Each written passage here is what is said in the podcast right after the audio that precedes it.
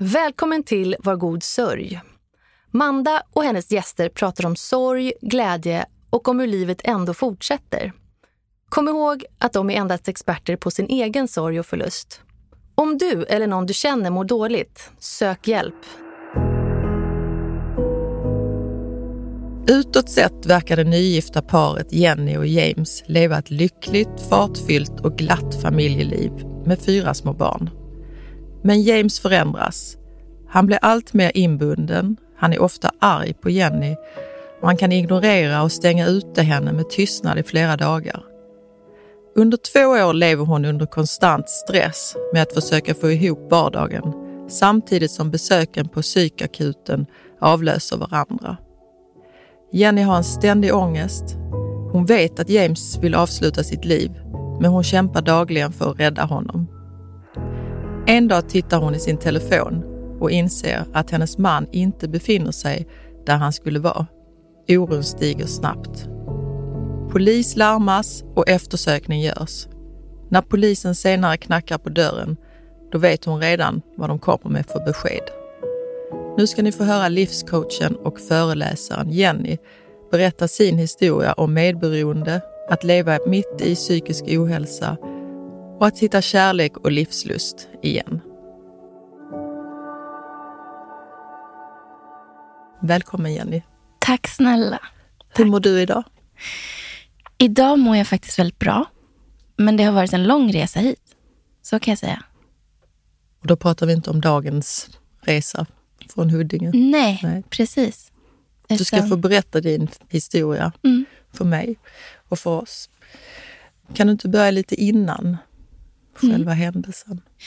Precis som du säger, där, jag och James levde ju och jag tänkte ofta så här, men gud, vad, hur, vad har jag gjort för att förtjäna att få ha det så här bra? Eh, och någonstans, här, vad, vad är haken? Alltså en känsla av att det var, kan det vara så här bra? Och eh, det kunde det inte. Utan eh, sen förändrades allting drastiskt. Men innan det så levde vi precis som alla andra. En landställe på Österlen. Han var ifrån Österlen. Han jobbade heltid, jag jobbade heltid. Du vet, man stressar, man är inne i ekorrhjulet. Eh, träffas egentligen bara för att käka middag i princip och, och lägga barn. Och det bara rullade på allting. För James är det väldigt viktigt hur allting ser ut utåt.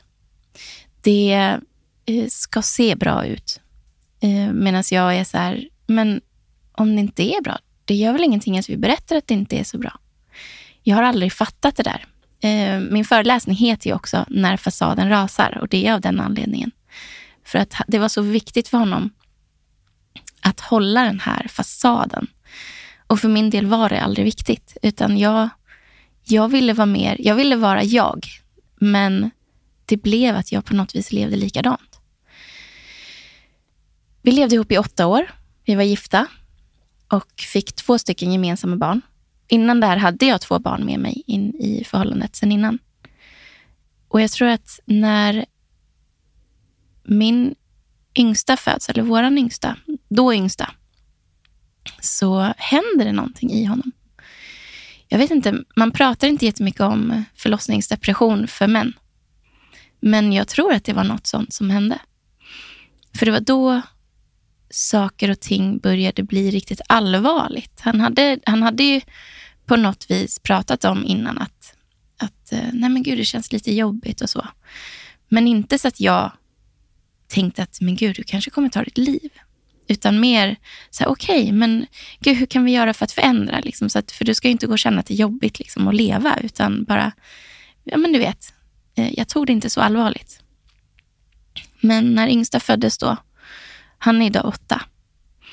Ehm, så jag vet ärligt talat inte, men det måste ha väckt massa känslor i honom och eh, det började bli jobbigt för honom.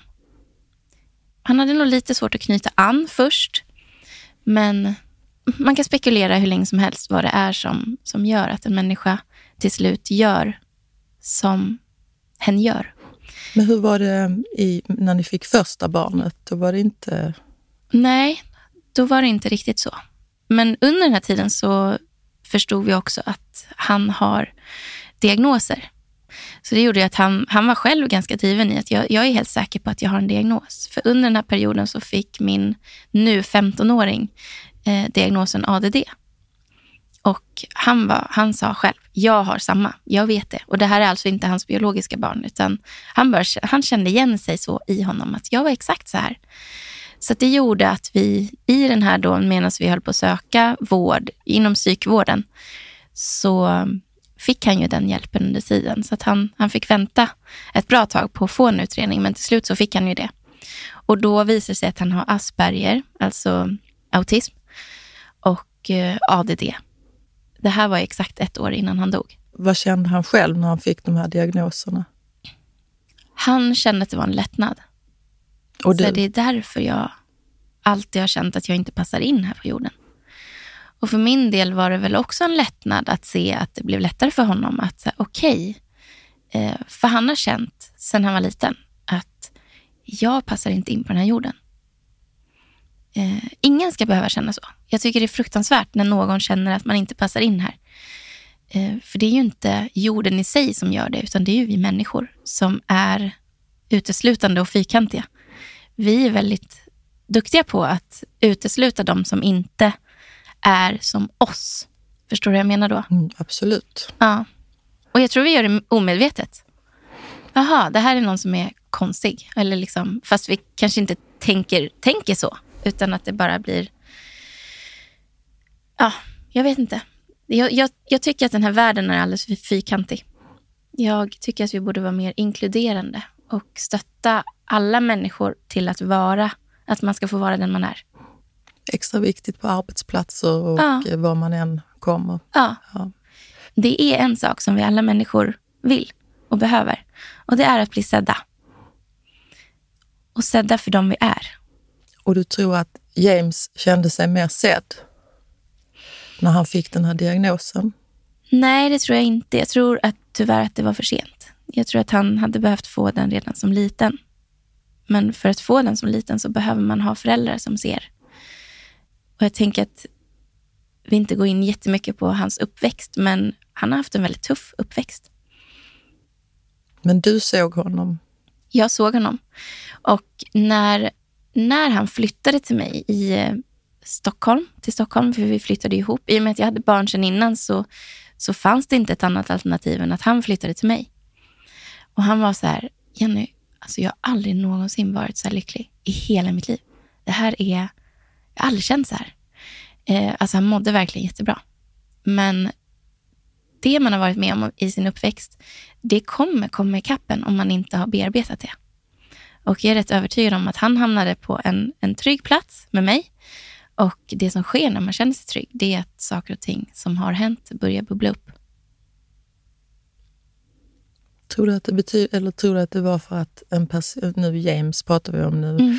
att han vande sig på något sätt. Att nu är det, nu är det lugnt, skönt, tryggt och så bara mm. brakar det loss igen. Ja, och jag tror också i förhållandet med mig så börjar han sätta ord på saker och ting som han har varit med om i sin uppväxt. Under sin barndom. Saker och ting som han kanske inte har förstått inte var att det är fel. Eller liksom, han har trott att det är han som är fel. Så jag tror att när man väl öppnar upp sig och liksom lite få höra att andra säger, men va? Är det här, har du varit med om det här? Det här är inte, det här är inte okej. Han blev liksom validerad i det han har känt själv. Ni fick ert andra gemensamma barn tillsammans och mm. han började må dåligt. Men då, mm. och som du sa, då, så gick ni till... Han fick hjälp till en början och så gifte ni er. Och allt var väl, ni var ju lyckliga. Mm. Men han var inte lycklig inombords. Nej, precis. Han, han sa själv att det, det är precis som att han kan skratta, men det är inte från hjärtat. De sista åren. Den gången jag såg det glittra ordentligt i hans ögon, det var egentligen när han berättade för mig att han vill ta sitt liv. Och när berättade han det för dig första gången? Eh, jag drog det ur honom jag kände ju att du, du måste berätta vad är det som är fel. Och Det var egentligen inte då han berättade heller, utan jag tog med honom till psyk för att jag kände, det kändes som att, alltså jag, jag började känna så här, om jag gick in och duscha, men gud, tänk om han hänger i taket när jag går ut. Så att då fick jag liksom skynda mig ut och så titta ut och bara, okej, okay, nej han, han satt i soffan, vad skönt. N när jag började få sådana känslor i mig, då förstår jag att det är någonting på gång, även om han inte säger det. Så till slut så tog jag honom till psyk och då frågar de ju rakt ut, har du planer på att ta ditt liv? Då säger han det, ja, det har jag. Och jag vänder mig om och tittar på honom och bara så här, ha, hur, tänker du, hur har du tänkt göra? säger eh, psykiatriken. Han säger då helt lugnt och jag ser hur det gnistrar i hans ögon samtidigt som han säger det. Jag tänker eh, klättra så högt upp jag kan i ett höghus som håller på att byggas och kasta mig ner med huvudet före så nacken bryts. Och jag sitter bredvid och bara... Jag är i chock. Och där skulle jag kunna säga att där börjar helvetet på jorden för mig.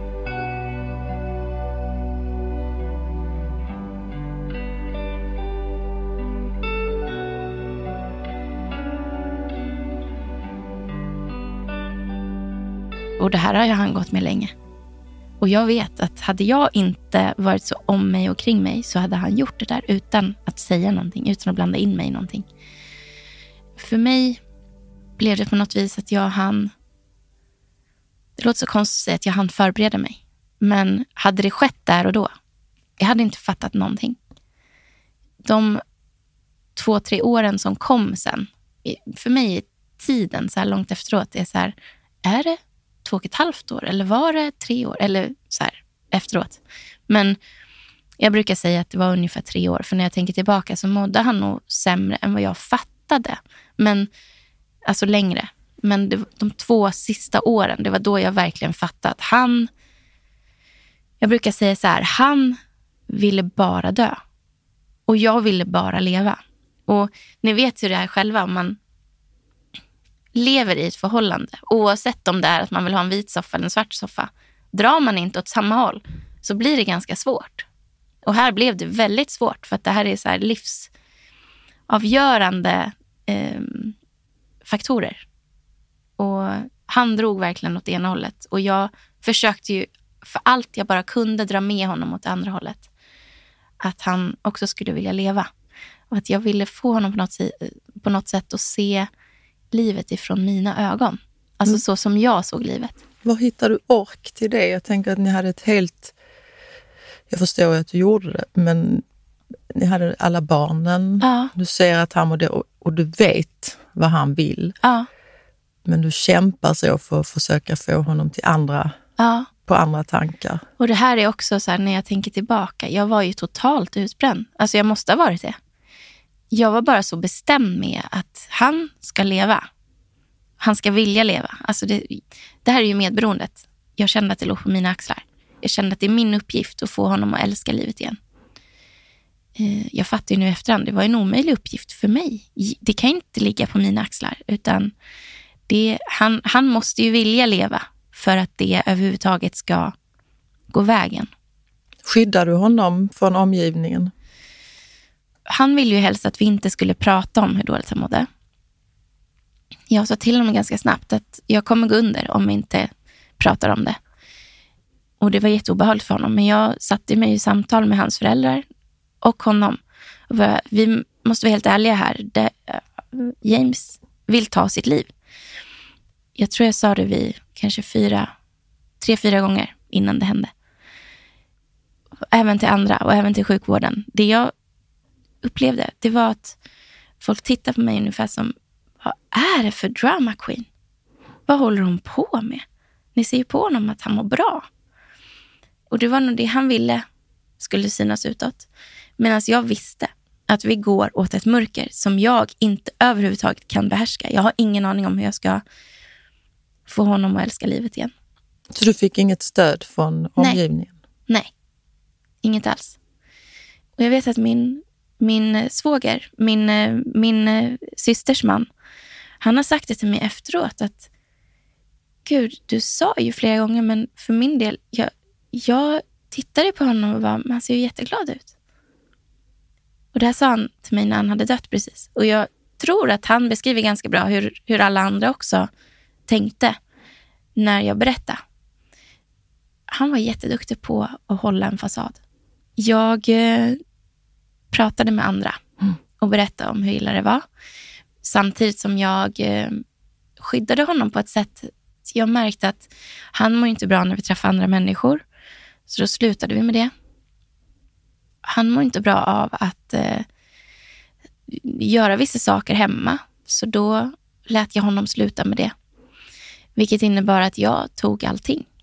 Jag tänkte alltid så här att men om han kommer hemifrån jobbet, han, han jobbade i butik, han var butikschef och jag tänkte att om jag har gjort allting när han kommer hem så kanske han mår bra.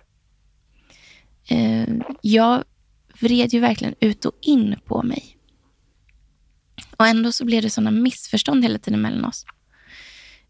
Jag vet att han skulle, han skulle åka iväg med bilen och jag kramade om honom och så sa jag, kör försiktigt. Och då kunde han bara helt plötsligt vända sig om och bara, så där säger du bara för att du tycker att jag är så jävla dålig på att köra bil. Så att jag vågade till slut inte säga någonting.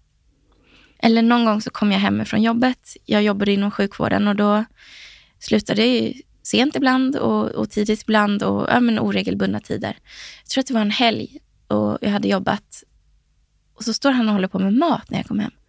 Och jag blev så glad. Alltså jag var verkligen så här, här står min man och lagar mat. Och här kommer jag hem och bara, jag har en så här drömbild av att man står och lagar mat tillsammans och skålar i ett glas vin. Liksom, och härlig musik på radion.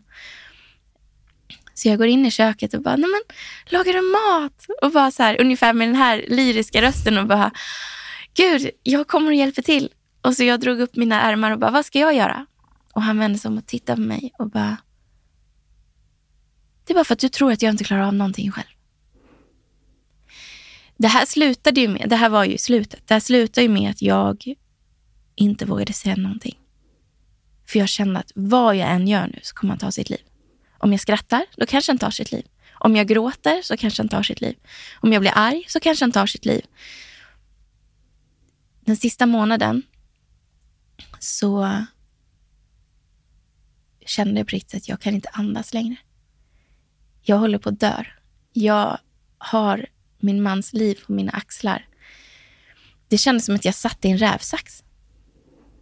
Så jag sökte, jag gick till vårdcentralen och bara bröt ihop totalt. Bara hjälp mig. Alltså jag har min mans liv på mina axlar. Det spelar ingen roll vad jag gör. Han kommer ta sitt liv. Och jag vet inte vad jag ska göra.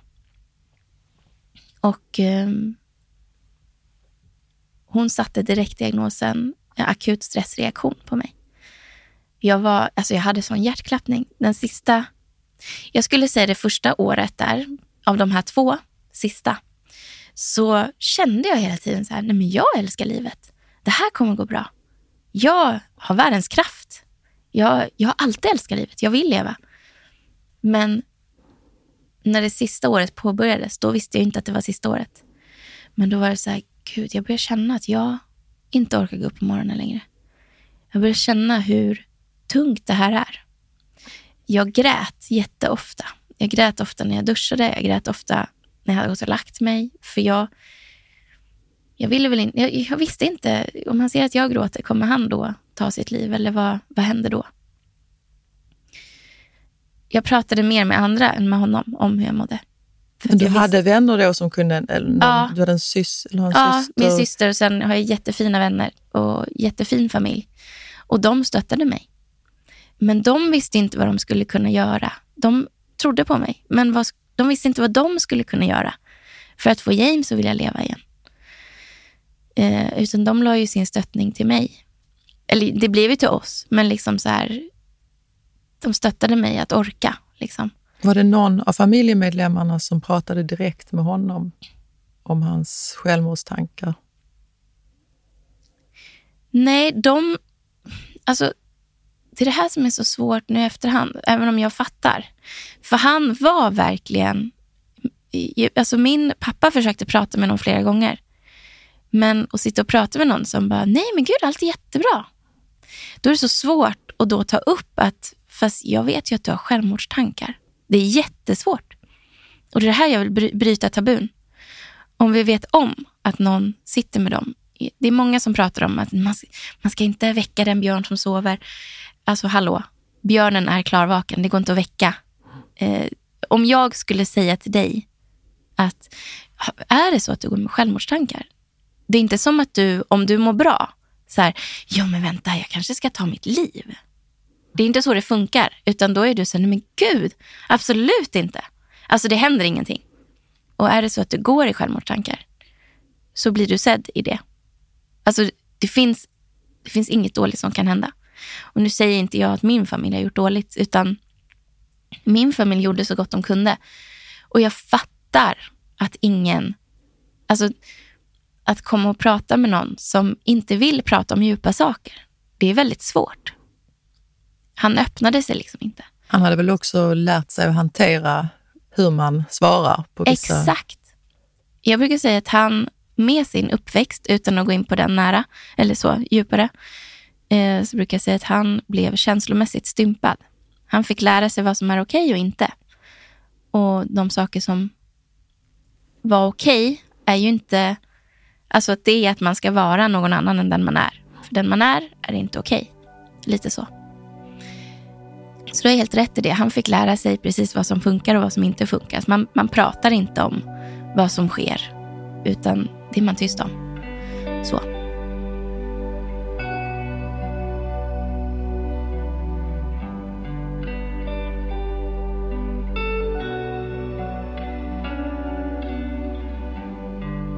Tänker på de fyra barnen också. Den yngsta var ju väldigt liten. Tre år. Ja. Mm. Men innan, när ni levde så här, att du var ledsen. Jag förstår att ni försökte kanske, eller visade mm. du att du var ledsen för dina barn? Hur var det med barnen under den här tiden? Jag har ju alltid varit extremt öppen med mina känslor. Så jag har istället fått höra, så här, måste du vara så förbannat eh, djup hela tiden? Måste du, alltså så. Eh, vilket jag också nu i efterhand, så men snälla låt mig få vara den jag är. Jag kan inte vara någon annan. Jag är djup. Jag är öppen. Jag vill inte ha fasader. Så att med mina, mina barn vet ju om det. Jag har ju alltid liksom så här, vet ni, nu är mamma ledsen. Och det är ingen fara, det är inte ni, ni har inte gjort någonting, utan jag är bara ledsen. Precis som att du ibland är ledsen bara och det är också okej. Okay. Ibland vet man inte varför. Men hur mycket jag än försökte skydda mina barn från det här. Det här är, det är just precis sådana här saker som man vill skydda sina barn ifrån. Jag vill inte att de ska behöva uppleva det här. Jag vill inte att de ska behöva ha det här i sitt bagage. Och faktum kvarstår att det är deras pappa, eller den man jag valde, som faktiskt har utsatt dem för det här. Visste de Men, om hans tankar? Nej. nej. Nej. Där gick min gräns. Det ville jag inte berätta för dem. Jag tänkte om han uh, hade pratat högt? Nej, och, nej det hade nej. han inte gjort. Utan när vi pratade så var det när barnen sov eller hos uh, psykiatrin. Och då var det verkligen så att jag, så här, jag gick på ganska hårt. För jag, jag kunde riktigt känna när han satt i de tankarna. Han hade en, en speciellt, han, han bara såg sur ut och bara satt och liksom suckade hos precis allt och alla. Så för min del, att han kom hem sent. För mig så var det i princip att jag lagade maten, dukade fint, tittade på klockan. Okej, okay, han kommer hem om en timme. Jag har en timme på mig att lägga barnen. För att jag ville inte att de skulle se hur arg han var när han kom hem. Och han hade ju ett socialt jobb, så att jag fattade att han höll, höll ju ihop hela dagen och var jättetrevlig utåt och hej och hå. Sen när han kom hem var han totalt slut. Och det kunde räcka med att jag visade mig i dörröppningen eller att jag bara så här. Och det, han, var inte, han var inte våldsam på något sätt, utan han var bara inte trevlig. Eh, just för att han orkade inte. Så för hans del var det bara att ta sin tallrik, eh, sätta sig vid tvn, äta den och jag satt bredvid och bara så här. Jag ville ju bara prata. Jag ville ju liksom så här. För mig är det jätteviktigt i ett förhållande att man ser varandra, att man. Nej men så här, hur har din dag varit? Hur har du haft det? Men för honom var det jätteviktigt där och då att bara få vara i fred. Sätta sig framför tvn med sin tallrik och bara så här, kan, kan, kan vi bara vara tysta nu?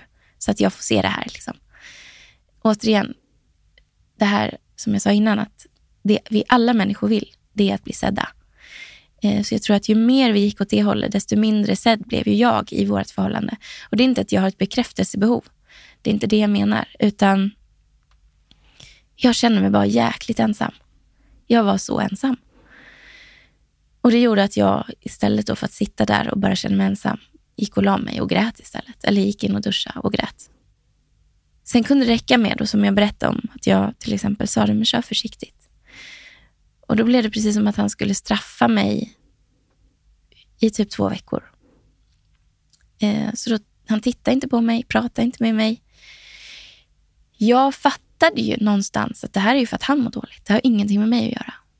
Men det blir sån psykisk påfrestning till slut. Att jag var så här, jag vet att jag kunde skicka till min syster, så bara finns jag? Lever jag? För just nu så vet jag inte om jag... Alltså, jag fick nästan nypa mig i armen. Så här, det kändes som att jag gick omkring som ett moln. Funderade du aldrig på att lämna honom?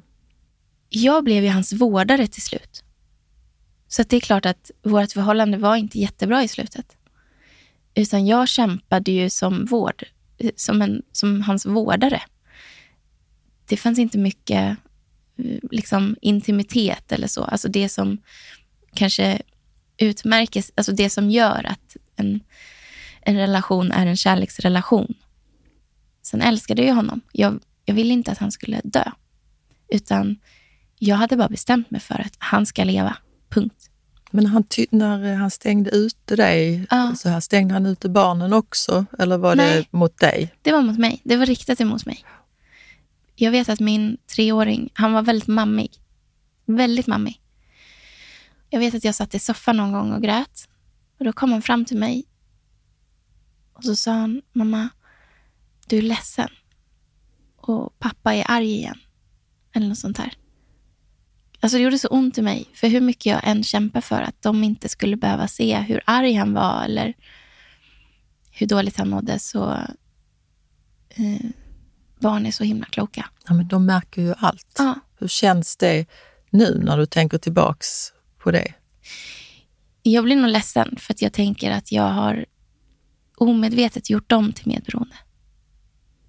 För det är det man gör. Jag visste inte vad medberoende var. För mig var det så här, nej men jag lever ju inte med någon som dricker alkohol. Jag är inte uppväxt med någon som har tagit droger. Jag trodde att det var det som var medberoende. Efter att James dog ehm, och jag bara drar det lite kort när vi pratar om medberoende, så hade jag en granne som precis hade levt med, med en missbrukare. Hon som har medberoendepodden. Jag minns inte vad hon heter nu. Men hon skulle hålla en föreläsning i Huddinge. Eh, gratis. Eller kommunen stod för det. Så jag var så här, när min granne säger till mig, åh, jag vill så gärna gå på den här, men jag vill inte gå själv. Kan inte du följa med mig? Jag var så, det är klart att jag följer med dig. Men så när jag sitter där, jag sitter på raden längst fram, så är det som ett jäkla slag i magen. Hela föreläsningen handlar om mig. Det är då poletten faller ner. Och det här är kanske två månader efter att James har dött. Och det här var en sån viktig insikt. Jag vet inte om jag hade kunnat läkt innan jag förstod den biten. Men mitt beteende, medberoende är ju också ett beroende. Så jag blev ju beroende av att hjälpa honom. Så det som sker när han dör, det är liksom så här, det blir bara tyst i mig. Vem är jag? Vad ska jag kämpa för? Vem, vem ska jag hjälpa nu? Alltså den känslan. Så den insikten hade jag inte velat vara utan. För då hade jag inte fattat det här överhuvudtaget.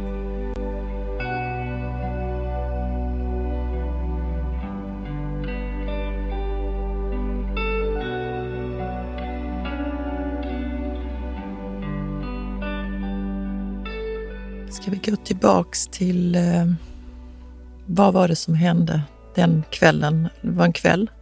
Nej, det var, en, det var en, dag. En dag ja. ja. Eh, morgonen där så hade jag åkt, för vi, min femåring, han skulle få vaccin på BVC. Så jag hade åkt dit och jag hade tagit med mig även, eh, det blev så, eh, i och med att han mådde dåligt så blev det att jag, skulle jag göra något med ett barn så blev det att jag tog med alla för att, ja, men för att underlätta. Så de äldsta hade ju åkt till skolan, eller gått till skolan. Och jag eh, åkte iväg då för att, ja, till BVC. Och när jag kommer hem så är han inte hemma. Eller jag åkte direkt till, till förskolan och lämnade där, så jag är ensam när jag kom hem.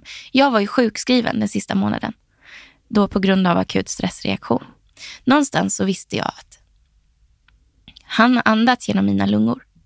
Så vad händer när jag inte orkar andas längre?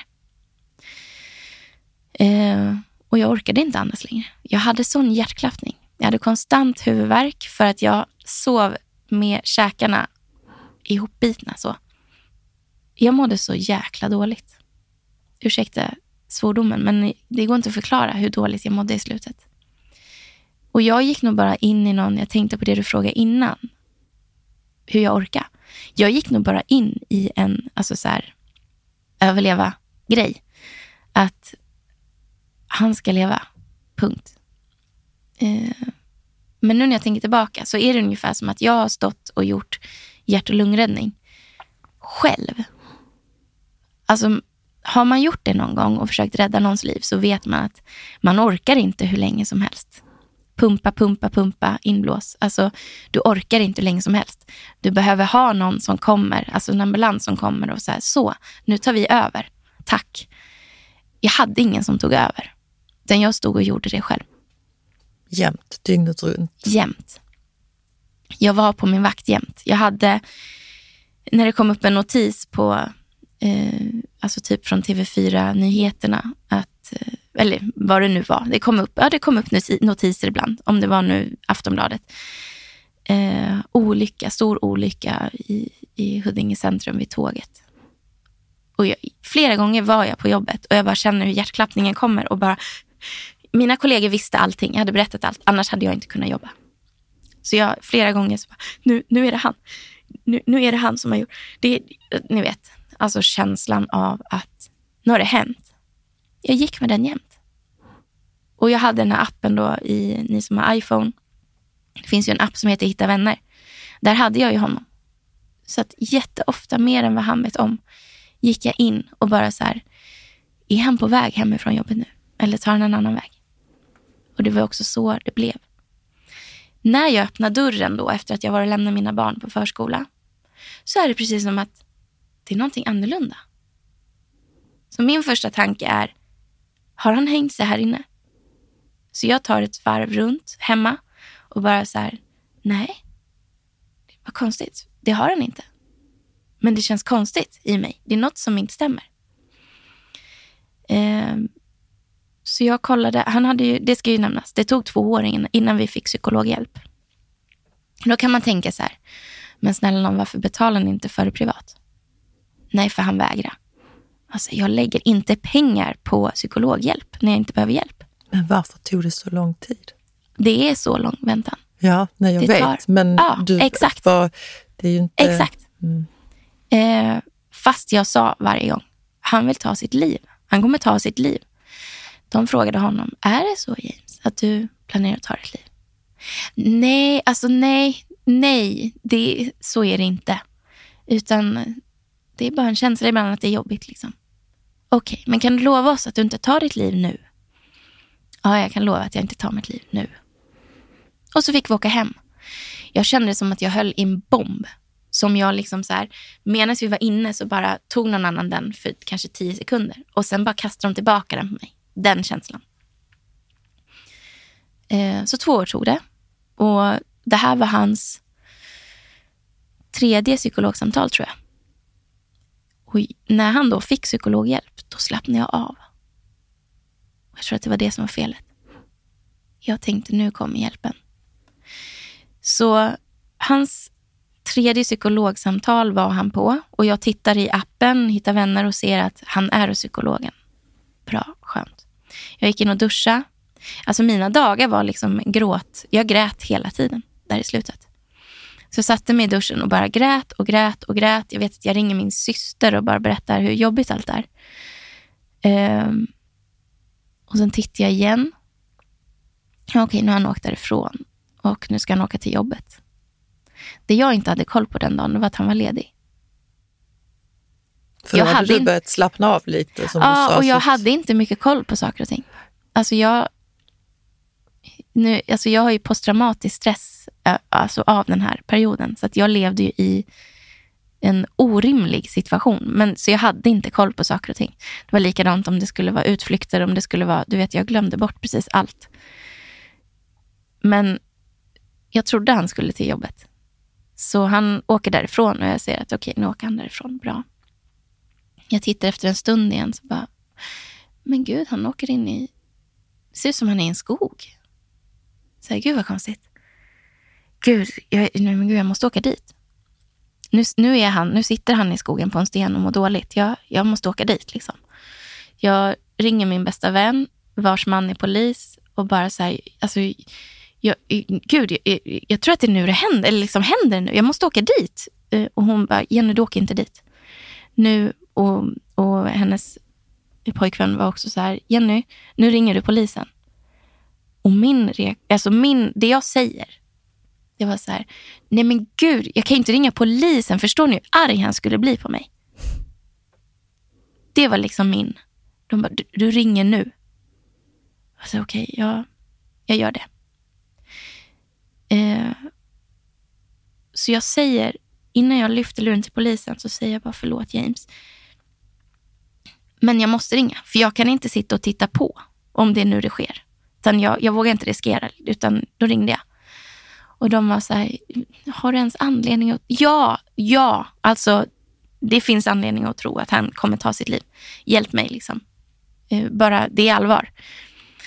Eh, medan vi pratar, jag är så här, de vill ju ha registreringsnumret på bilen, de vill ha personnummer, de vill ha hans telefonnummer och jag är så här, jag kan inte det just då. Jag kan ju det i vanliga fall, men jag är i, i upplösningstillstånd där hemma. Jag går omkring och bara så här, nej men alltså snälla kan ni bara skicka någon dit nu? Ja, men vi behöver ha registreringsnumret. Och jag är så här, eh, gud jag kan det här egentligen, jag, jag, jag vet inte. Jag, så här, och så går jag ut och börjar leta efter papper i köket för att se om det står någonstans. Och liksom så här, kan ni bara... Och då säger hon att, bara så du vet så har vi skickat en polishelikopter och det är en hundpatrull på väg. För jag, hade ju, jag kunde ju de exakta koordinaterna i och med att jag såg honom på kartan. Och eh, jag sitter i sovrumsfönstret.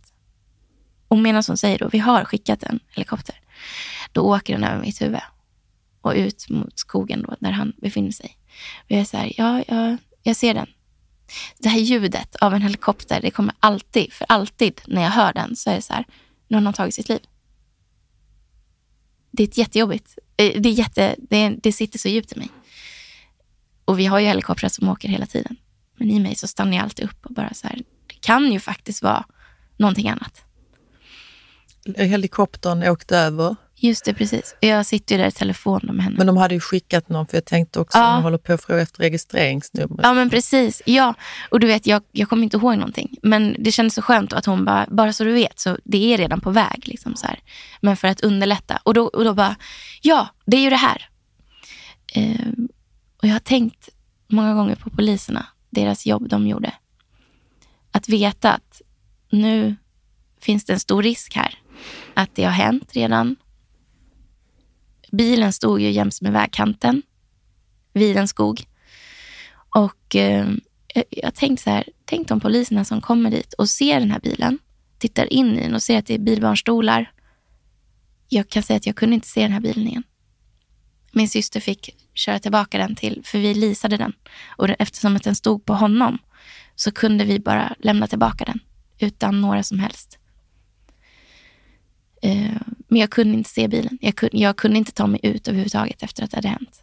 Poliserna körde bilen hem till oss. Den stod på parkeringen. Men de hittade honom inte i bilen? Nej, nej. nej just det. Förlåt. Nu hoppar jag lite här. Men jag har tänkt flera gånger på poliserna som ska se den här först mm. och sen ta sig in då i skogen och leta efter honom. Och i min värld så tänkte jag att om jag hade åkt dit så satt han på en sten och funderade. Men det är inte vad jag hade mött. Så jag är tacksam för att jag inte åkte dit. Eh, och jag har tänkt också många gånger, om jag hade kommit och han hade hört att jag ropade, hade han stannat upp då? Eh, eller hade han hoppat framför mina ögon? Det har jag tänkt på många gånger. Hur som helst så, medan vi pratar i telefonen där, så, så säger hon så här, du vänta ett tag. Och, för vi pratar, eller i mig så känns det som att det är ganska länge vi pratar. Liksom. Och då säger hon, vänta häng kvar ett ögonblick. Och så försvinner hon i kanske typ 40 sekunder. Och jag är så här, vad händer? Och då när hon kommer tillbaka så säger hon så här, vet du, vi skickar en patrull till dig också. Och då fattar jag, nu har de hittat någonting. Eh, det tar kanske 40 minuter innan det kommer någon till mig. Och jag är ju där inne. Satt, förlåt, men satt du helt ensam ja. i lägenheten? Din syster kom inte då? Eller något, utan jag var ringde dem ja. och bara, ni måste komma. Jag tror att det har hänt nu. Och min syster ringer direkt till min mamma som, hade, eh, som kunde vara snabbast på plats. Eh, och det här har jag ju, det här är så diffust med. Det här har jag fått berättat efteråt. Medan jag står i det här, står och väntar på att poliserna ska komma, då ringer min då tioåring och säger mamma, jag, jag fick, vi fick sluta tidigare idag så jag är på väg hem nu. Och jag bara, okej okay, älskling, vi ses snart. Och bara, helvete, helvete, helvete. Alltså, så jag står upp, jag sitter inte, jag står i 40 minuter.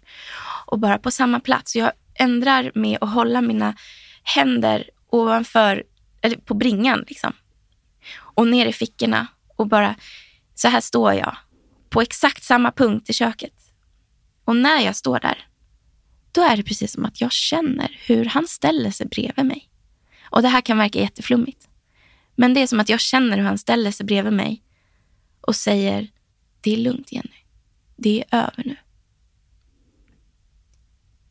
Och det är då jag vet att nu är det. Nu lever inte han längre, för nu känner jag honom på ett annat sätt. Så jag står där ändå och har någon typ av hopp. Även om jag vet att nu är det, han lever inte längre. Eh, min syster, hon kastar sig in i bilen. För jag ringer och säger till henne i panik. Du måste hinna möta Elias innan han kommer. Du måste hinna ta honom på vägen. Så hon kastar sig in i bilen för att hinna liksom. Så att han inte ska behöva se det här.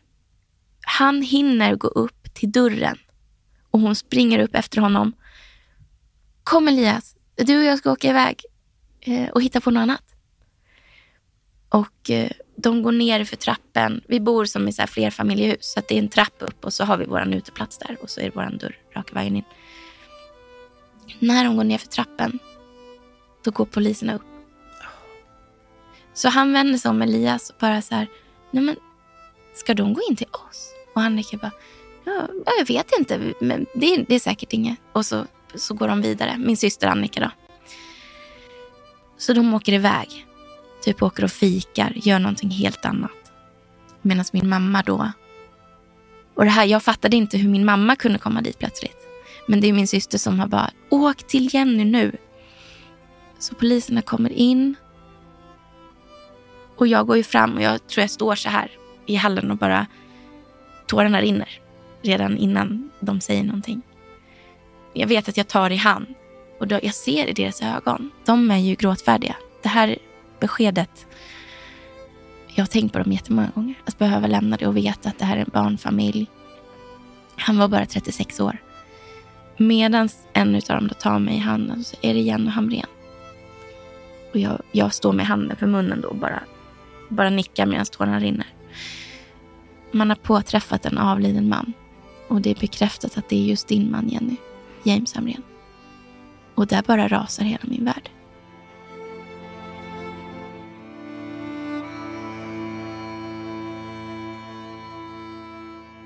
Jag bara skakar hela kroppen och eh, jag tror att jag har ett minne av att någon av poliserna... Jag, jag vet att jag, jag backar, tror jag, och sätter mig ner. Eller om det sker, jag vet inte vilken ordning. Men vid något tillfälle så är det en av poliserna som i princip håller upp mig. Bara kramar om mig jättehårt och håller upp mig. För mina ben liksom bär inte. Och jag tror att det är när hon släpper som jag... Det är tre, tre kvinnor där som kommer. När, när vi släpper varandra, det är då jag backar bak och bara sätter mig på pallen som är. Och bara, jag tror jag bara gungar fram och tillbaka. Så det är, jag kan beskriva det som ni som har fött barn. Det är ett verkarbete som sker, fast i själen. Och det sker inget positivt i det hela. Utan det är som att det kommer som en jäkla våg över en av bara fullständig smärta i själen som knivar. Liksom. Och sen får man en liten paus och bara, så här skulle det inte bli. Och sen bara kommer det tillbaka. Det bara liksom sköljer över en när man fattar vad som har hänt. Och däremellan så fattar man inte vad som har hänt och då kan man andas. Det, det, är, så, det är så obegriplig känsla. De kommer in och de är, alltså de, jag vill verkligen berömma hur polisen agerar. Jag är ju ensam. Och eh, de börjar med att fråga, har vi några barn som är hemma? Och jag säger att det är ingen hemma. Min syster hann precis hämta eh, tioåringen. Okej, okay, bra. Så här, vi sätter oss i soffan. Så de tog av sig skorna och liksom verkligen satte sig med mig i soffan medan jag, jag vet inte vad jag ska göra. Utan jag bara liksom sitter i de här vågorna och bara så panik, gråt och sen en andpaus. Så har vi foton bak på väggen vid soffan. Så jag bara, det är så här han egentligen ser ut. Det är så här, så här ska han egentligen vara. Han är glad. Och så kommer det här över mig igen. Och när jag väl får en andpaus, då är det så orimliga frågor. Jag vet att jag frågar, så här, var han varm när ni hittade honom? Det är klart att han var varm fortfarande. Det tar ganska lång tid innan man blir kall. Och jag hade ju sett hur han rörde sig på den. Alltså, han var så målmedveten. Så det här har ju skett liksom direkt när han kom ut i skogen. Han hade ju bestämt sig redan, han hade ju med sig rep när han satt hos psykologen. Han åkte raka vägen efter sitt psykologsamtal och tog sitt liv. Men det var ingen orimlig fråga, tänker jag. Att... Nej, kanske inte, men det var, liksom, det var det som dök upp där och då. Och så här, han lämnat ett brev och det hade han ju. Så de hade ju fotat det. Jag kommer aldrig glömma den bilden som polisen visade upp på sin mobiltelefon av det här brevet. Hur det, det låg på en sten där det var mossa runt om.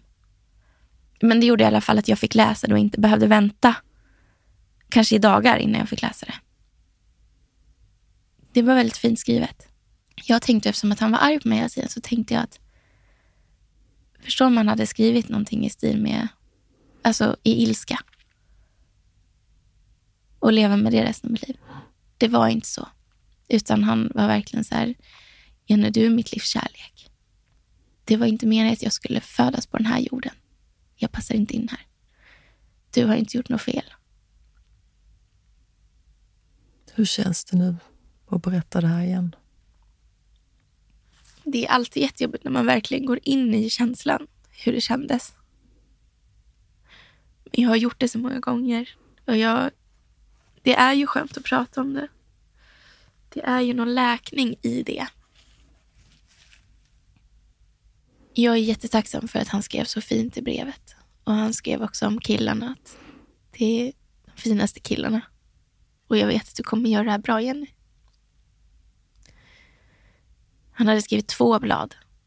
Det ena var känslomässigt och det andra var mer praktiskt. Att jag ska ha den här låten på begravningen.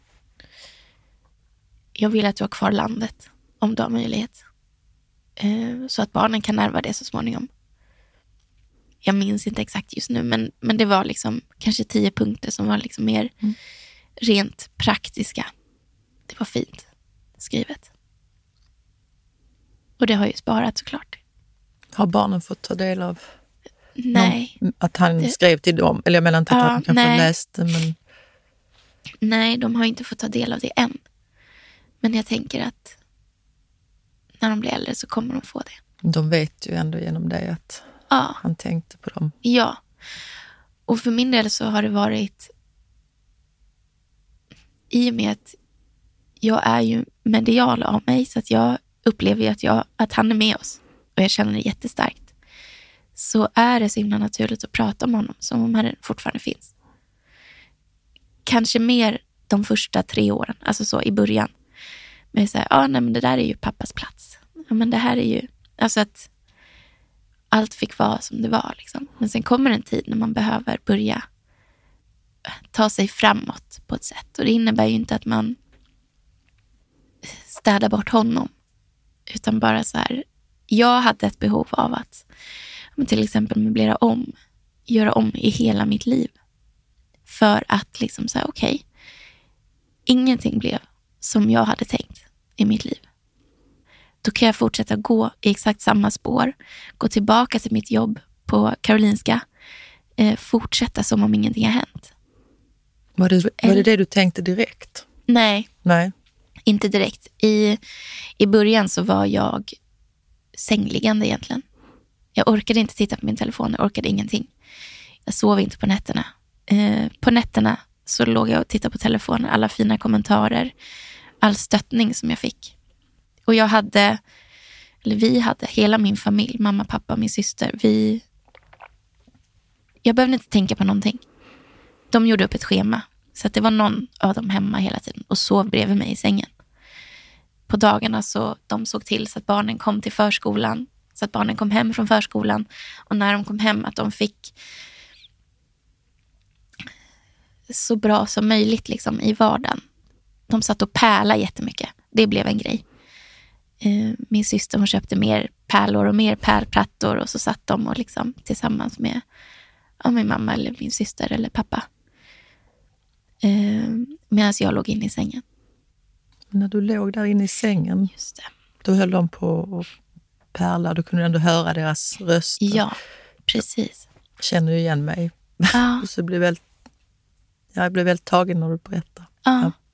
Mm. Jag är så tacksam för att min familj lät mig få det jag behövde just precis då. Och jag orkade ingenting. Jag hade människor som, på det som jag känner och som jag inte känner så väl, som verkligen slöt upp. De kom och lämnade, de beställde matkassar. De eh, hade lagat mat i flera så här portion och bara fyllt frysen. Kommit och bakat en varm liksom, äppelkaka. De här sakerna betydde så otroligt mycket, även om jag inte var förmögen just då att visa min tacksamhet. Ehm, men jag gick ju upp emellanåt liksom och men åt lite äppelkaka. Jag åt inte så mycket under den här perioden heller. Det jag fick i mig var i princip vaniljyoghurt. Så var det jag åt. Så att jag rasade ju i vikt också. Och så att min familj såg till att allting flöt på. De tvättade, de eh, fixade med allting, lagade mat, såg till att det fanns hemma, handla. Och då hämta och lämna när det behövdes. Så. så att jag kunde ligga där i sängen om dagarna och bara gå upp och säga hej om det var någon som, för det var flera som kom och bara ville ge mig en kram. Eh, och blommor, alltså. Jag hade så mycket blommor hemma. Överallt. Det var så fint. Eh, av människor som ja, ville bara visa liksom, medkänsla. Barnen kom in emellanåt och liksom la sig på mig och vi kramades. Och liksom, jag tror de... På något vis så flyttas ju den psykiska ohälsan över. Så att pappa hade ju varit den som hade legat i sängen innan. Och han försvann. Och så låg jag där plötsligt. Ska mamma också försvinna eller vad, vad händer här nu liksom? Och om jag ska vara helt ärlig så visste jag inte själv. Jag hade ingen som helst kontroll på situationen utan det enda jag kände var att jag vill bara dö. Och jag visste att jag kommer inte ta mitt liv. För jag har mina barn. Det drivet är större. Hur Än, gamla var de två äldsta? de två äldsta var 10 och 13. Hur berättade du för dem? Jag bad faktiskt min syster att berätta för min tioåring då, när hon var iväg. Eftersom att det var poliser och det var, hela hemmet var ju fyllt. När polis, poliserna sa ju också det att vi, har du någon anhörig att ringa? Och jag var så gud, ja det är klart jag måste ringa någon. Så vem ringer jag? Jag ringde, jag ringde pappa. Som hade hört redan då, så han var ju redan, han var ju på jobbet men var, hade redan förberett sig för att åka därifrån. Jag ringde min äldsta sons pappa som det är så att du får åka och hämta Ludvig som han heter och berätta för honom. Och ta med honom hit sen. För att alla kom ju hem till oss. Så mamma med respektive, pappa med respektive, min syster med respektive. Eh, min äldsta sons pappa som också är även en av mina bästa vänner, han kom ju också dit. Det var ljus tända och vi satt liksom i ring och det var, kom en präst dit och en diakon. Eh, så diakonen berätt, hjälpte mig att berätta för de två minsta. Så de två äldsta visste ju då. Eh, men jag var inte med när de fick reda på det. Hela hemmet var fullt. Men i mig, jag var totalt tom. Någon åkte iväg och köpte pizza, liksom flera kartonger för att vi skulle äta. Eh, Medan jag satt där och bara så här, jag hörde sorlet. Alla som pratade. Medan jag var så här, jag hade vänner över också. Det var, vi var jättemånga. Och jag är jättetacksam nu efteråt att det var så många som slöt upp runt oss. Men i mig var jag helt tom. Jag trodde verkligen att jag dog den dagen. Jag kan beskriva det så här. Jag trodde att jag skulle leva resten av mitt liv och känna att jag egentligen inte vill leva. Men jag gör det bara för barnen. Det var min lott det här. Och det var nog så jag kände också när jag levde med James. Att det här, det här var min lott i livet. Kommer du ihåg första dagen som du vaknade efter, alltså dagen efter? Vad du, har du något minne av vad du tänkte då? Ja, jag somnade aldrig. Nej. Utan jag låg i sängen och på natten där så gick jag upp och tittade ut genom fönstret och jag minns hur mycket det blåste. Eh, och jag tittade på träden och jag bara kände, den här världen är så läskig. Den här världen är så obehaglig. Jag vill aldrig mer gå ut. Eh, jag upplevde att jag var ganska trygg i min säng under tak. Men att titta ut på mörkret och det här trädet som bara liksom svajade och jag hörde hur det blåste. Bara känslan av att tänk om han hade hängt kvar där. Jag tyckte det var så läskigt. Det var så läskigt hur han kan göra så mot sin kropp. Som jag tyckte var helt fantastisk. Det var en overklighetskänsla att vakna och gå upp igen. Ska jag behöva gå upp igen till den här världen? Jag vill inte gå upp. Jag vill inte vakna något mer. Jag ville att det bara skulle vara en dröm. Och känslan av att det, det slog mig hela tiden att jag vill, kan någon bara söva mig? Så att jag slipper vara med om det här. Kan någon söva mig i ett år? Så jag slipper känna det här. För det var smärtan. Jag kan inte sätta ord på den. Återigen förlossningssmärta. Den går inte heller att sätta ord på. Och det här var alltså överjävligt. Alltså det är en smärta som jag inte visste fanns. Och den var i själen. Och den här smärtan höll i sig så länge också. Och jag vet att jag går upp på nätterna och tittar ut och liksom så här. Tänk om man skulle komma in här ändå. Men sen skulle vi åka och ta farväl av honom på bårhuset. Och det, det var ett par dagar dit? Jag tror han dog på torsdagen och det här var på onsdagen efter. Och jag hade ju varit sjukskriven där en månad för akut stressreaktion. Och eh, jag skulle bli förlängt sjukskriven. Och han dog på torsdagen. På måndagen ringer Försäkringskassan mig och berättar för mig att eh, vi måste informera dig om att det kan bli så att du blir utförsäkrad eh, om du tänker vara hemma mer än 90 dagar. Det var så här, alltså på riktigt. Min man dog för en kvart sedan. Han tog sitt liv. Och ni känner att ni måste ringa mig nu och säga det här. Ja, det är så det funkar. Visste de om vad som hade hänt? Ja. Och då eftersom att de såg att det kom in en ny sjukskrivning så var de tvungna att informera mig då om det. Det är så mycket eh, byråkrati i det hela som jag är så här, hur funkar världen egentligen? Vilken kall plats. Jag bestämde mig ganska snabbt för, det som sker när ens partner dör, det är att alla ens partners konton frys, fry, eller fryses. Vilket gör att jag stod ju där med lån, med barn och kunde inte riktigt jobba. Och bara så här, hur fasiken ska jag lösa det här nu? Så att jag hade egentligen ingen, ingen plan. Det, det dröjde ett år innan jag fick tillgång till våra pengar. Så förutom, nu lägger jag ord i det, men ja. förmodar att du hade mycket ångest. Ja. Så förutom ångest, saknad, ja. ta hand om barnet, ta hand om det, liksom, så var det också försäkringskassa, banker, sjukvård. Ja, och planera att, begravning. Och välja blommor. Och väl, ja. Alltså jag tror inte, det kan man inte förstå om inte man Nej. har varit Nej. i. Ja.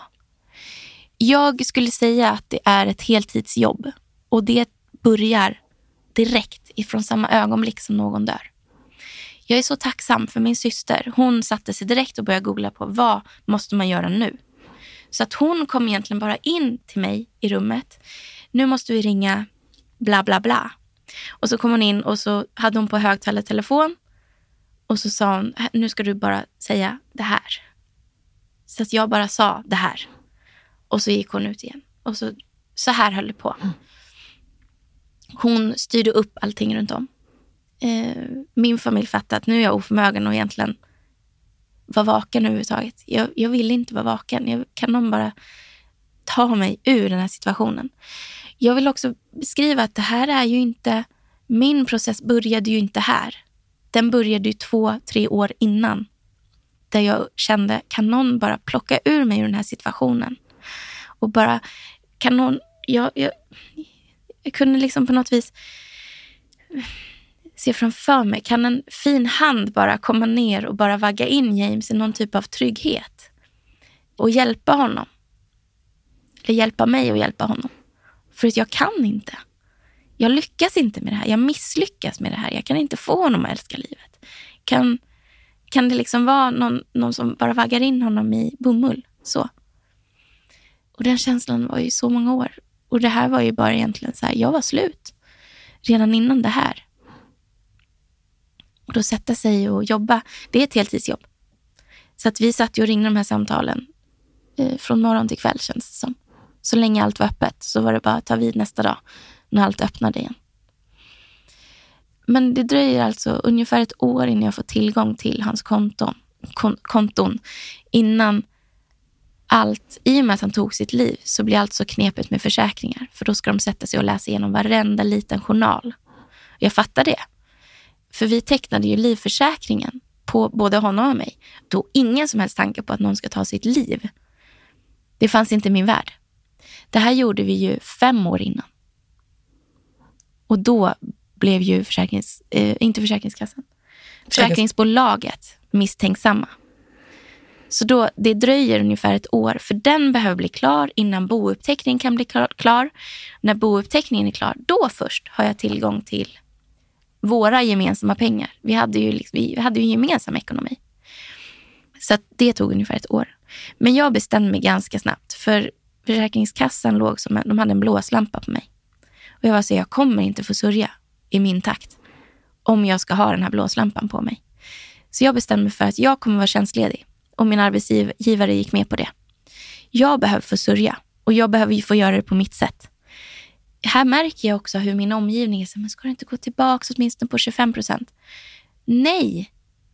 Jag tror för deras skull, för att känna att jag gör någonting om dagarna. Men för min del var det så här, jag går ju inte hemma och därför mår dåligt. Utan jag är hemma för att jag mår dåligt. Och om jag då ska hoppa in på 25 procent och ta hand om andra, det innebär att jag behöver lägga mitt åt sidan. Det innebär inte att den tiden, så då, har den, då är det gjort. Utan det innebär att jag kan lägga mindre tid på min sorg. För jag var fast besluten att min sorg jag ska sörja och det ska jag göra nu fullt ut. Jag ska inte skjuta på något. Jag vill inte om tio år att det ska dyka upp igen. Så att för mig var det verkligen så här, nu. Så att jag grät. Jag gick upp på nätterna och för det, det kom ju en tid efter begravningen. Då börjar ju min familj, de behöver ju återgå till sitt. Och då var det bara jag och barnen. Och jag var så här, jag vet inte hur jag ska... Jag gick bara på klocka liksom. Okej, nu måste jag laga någon typ av mat. Och då hade jag ju det här i frysen. Och det var guld värt att då kunna värma en lasagne som någon har gjort. Liksom. Men jag vet att jag gick och la mig samtidigt som mina yngsta barn. När inte mina äldsta då var hemma, för de var ju varannan vecka. Så jag la mig samtidigt som dem. Eh, klockan åtta. Och sov bredvid dem i sängen. Jag ville inte vara vaken.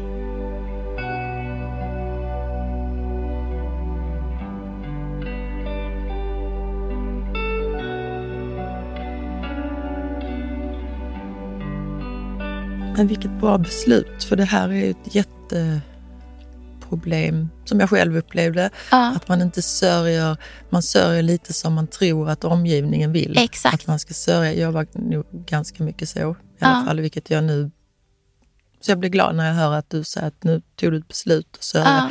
Du började berätta, tänk, bara tänkte ta det kort också, för det är så viktig del, att när ni skulle gå till bårhuset och titta, ta farväl av James. Um, för då hade du barnen med dig. Mm. Mm. Var det ett tungt beslut? Eller tungt förstår jag att det var, men var det ett mm. svårt mm. beslut att bestämma sig för, ska jag ha med barnen eller inte? Ja, det där var, det var verkligen en, eh, en, en sak som jag behövde fundera på. Så här, shit, vad är rätt, vad är fel? Och det finns ju inget rätt eller fel egentligen. Eh, men jag fick kontakt med poliskvinnan som hade, i och med att det inte var ett vad ska man säga, normalt dödsfall. Eh, och normalt då menar jag att man egentligen dör på sjukhus under kontrollerade former. Liksom. Sker det utanför sjukhus, då, då blir det liksom en utredning av det. Så att det här var ju egentligen på rättsmedicins på rättsmedicin var det. Mm. Det var där och så det var ju en polis med. Och det var den här poliskvinnan då som jag, henne hade jag kontakt med hela tiden. Var det hon som du träffade som var hemma hos er också? Ja, hon, ja nej, nej, inte nej. de som kom först. Nej. Utan det här blev ju en som en utredare kan okay. man säga. Så hon, hon och jag hade, fick jättefin kontakt.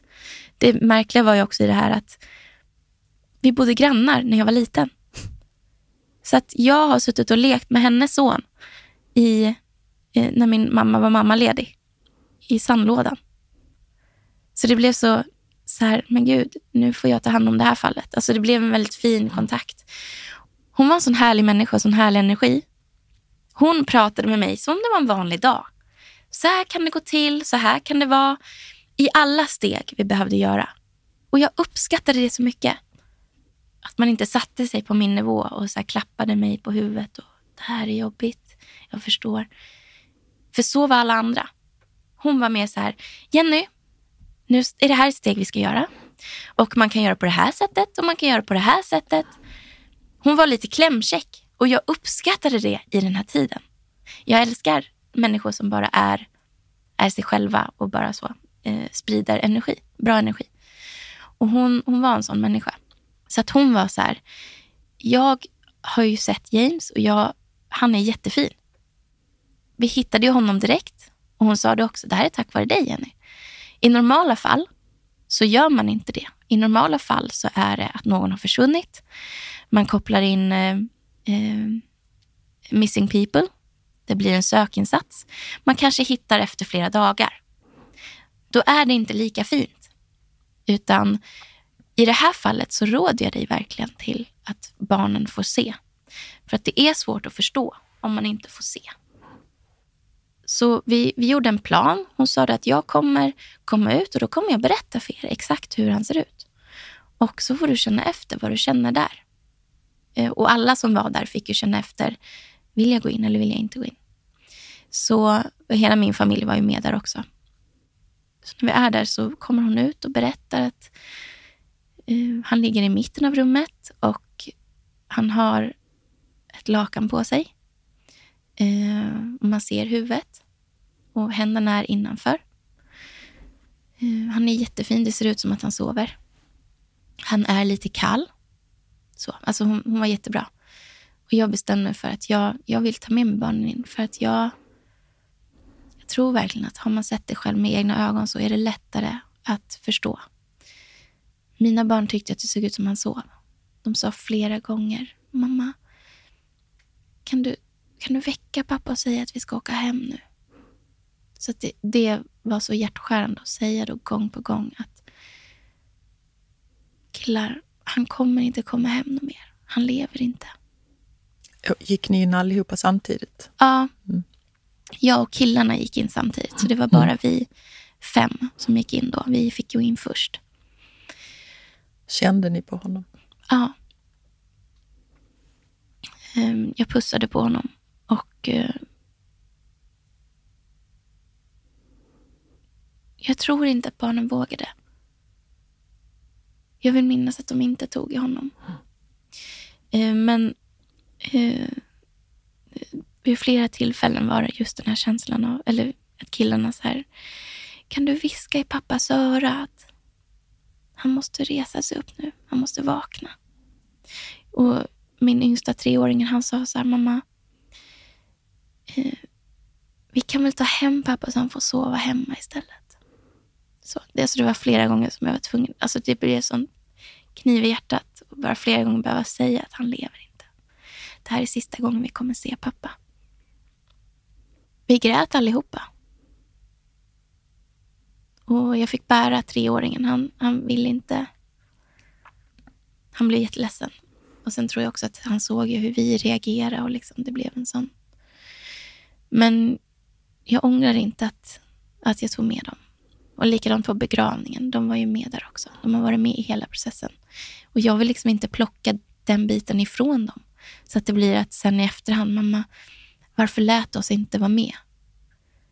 Då är det bättre att man har gjort det och tänkt att det kanske är rätt. För man vet inte vad som är rätt när man är där. Vad var det för låt som James... Eller du sa att han hade valt musik. Ja, det kanske var fler låtar. The Final Countdown. Ja.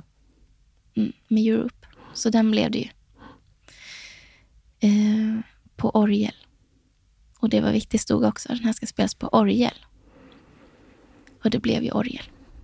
Var det, var det lite skönt att ha någon slags... Eh, att han ändå hade gjort en liten lista? Eller? Ja, egentligen var det det. Han hade, vi gick inte efter den listan. Eller nej. För han, ja, nej, men ja. Det var, det var, jag är glad att den fanns. Samtidigt så hade han skrivit att han, hans kropp ska brännas och spridas för vinden. Det ska inte finnas något namn kvar överhuvudtaget. Och Jag var nästan lite arg på honom för att han hade skrivit så. För jag är så här, nu när du har gjort det här så får du faktiskt inte välja det. Utan jag vill att dina barn ska ha ett namn någonstans. Eh, sen gjorde vi en kompromiss av det. Eh, det blev inte en gravsten, utan det blev en liten platta på marken och där under ligger hans urna. Men jag vägrar att bara han ska försvinna. Jo, det skrev han också, att jag vill att jag vill bara försvinna helt. Det ska inte finnas någon, någon, alltså någon något tecken på att jag har levt här ungefär. Och det är så här, fast du har två barn. Vi har två barn. Vi har haft ett liv tillsammans. Jag kan inte bara, jag vill inte radera det. Utan jag kommer uppmärksamma det. Och jag bestämde mig väldigt direkt att jag kommer inte vara tyst om det här. Jag har levt här i tystnad nu. Och det är egentligen han som har tystat mig. Jag har försökt be om hjälp och jag har bett om hjälp. Jag har hörts. Men det är ingen som har lyssnat. I samma ögonblick som han dog så började folk lyssna. Och jag kan också, av olika anledningar så har jag idag 18 000 följare på Instagram, bland annat. Och vi har en YouTube-kanal, jag och min man. Och det jag vill ha sagt med det, det är att nu hörs jag. Nu räknas min röst. För jag gick i så många år och bara kände att betyder inte det jag säger någonting? Hur känns det? Alltså för du måste ju blivit så, jag vet inte hur jag ska beskriva det ens, nedtryckt eller ja. tillplattad. Det var en jättejobbig känsla av att folk misstrodde mig. För det var den känslan jag fick. Det kan nog vara den värsta känslan jag vet här i livet att känna mig misstrodd. För mig är ärlighet så otroligt viktigt. Och då att folk tittar på en som om man hittar på. Bara för att man vill ha drama i livet. Så bara, vet ni vad? Jag önskar inget heller än att ha ett dramafritt liv. Men nu är det så här. Vad skulle du vilja, ge, vad skulle du vilja säga till andra kvinnor och män som lever i psykisk ohälsa? Som kanske likt dig, men det kan ju handla om missbruk. Det kan handla om allt mm. möjligt. Man kan inte hjälpa någon som inte vill ha hjälp själv. Alltså vrid och vänd inte ut och in på dig själv eh, för någon som kanske inte ens vill sluta med alkoholen eller droger. Eller som inte är motiverad själv. Någon som inte vill leva?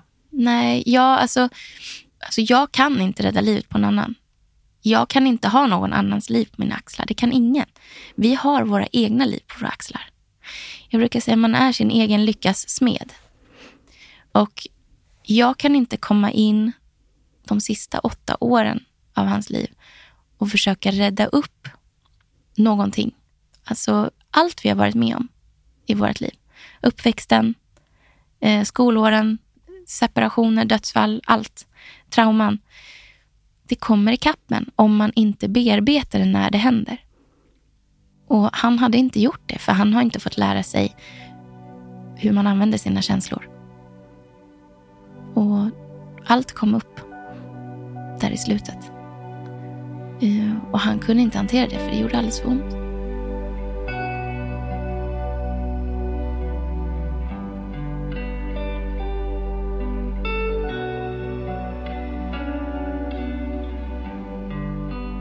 När James hade gått bort, för du sa, det, sa du ju också att du hade ju liksom börjat bearbeta hela det här. Du visste ju nästan vad som skulle det kommer ju kanske hända, men du försökte och kämpade.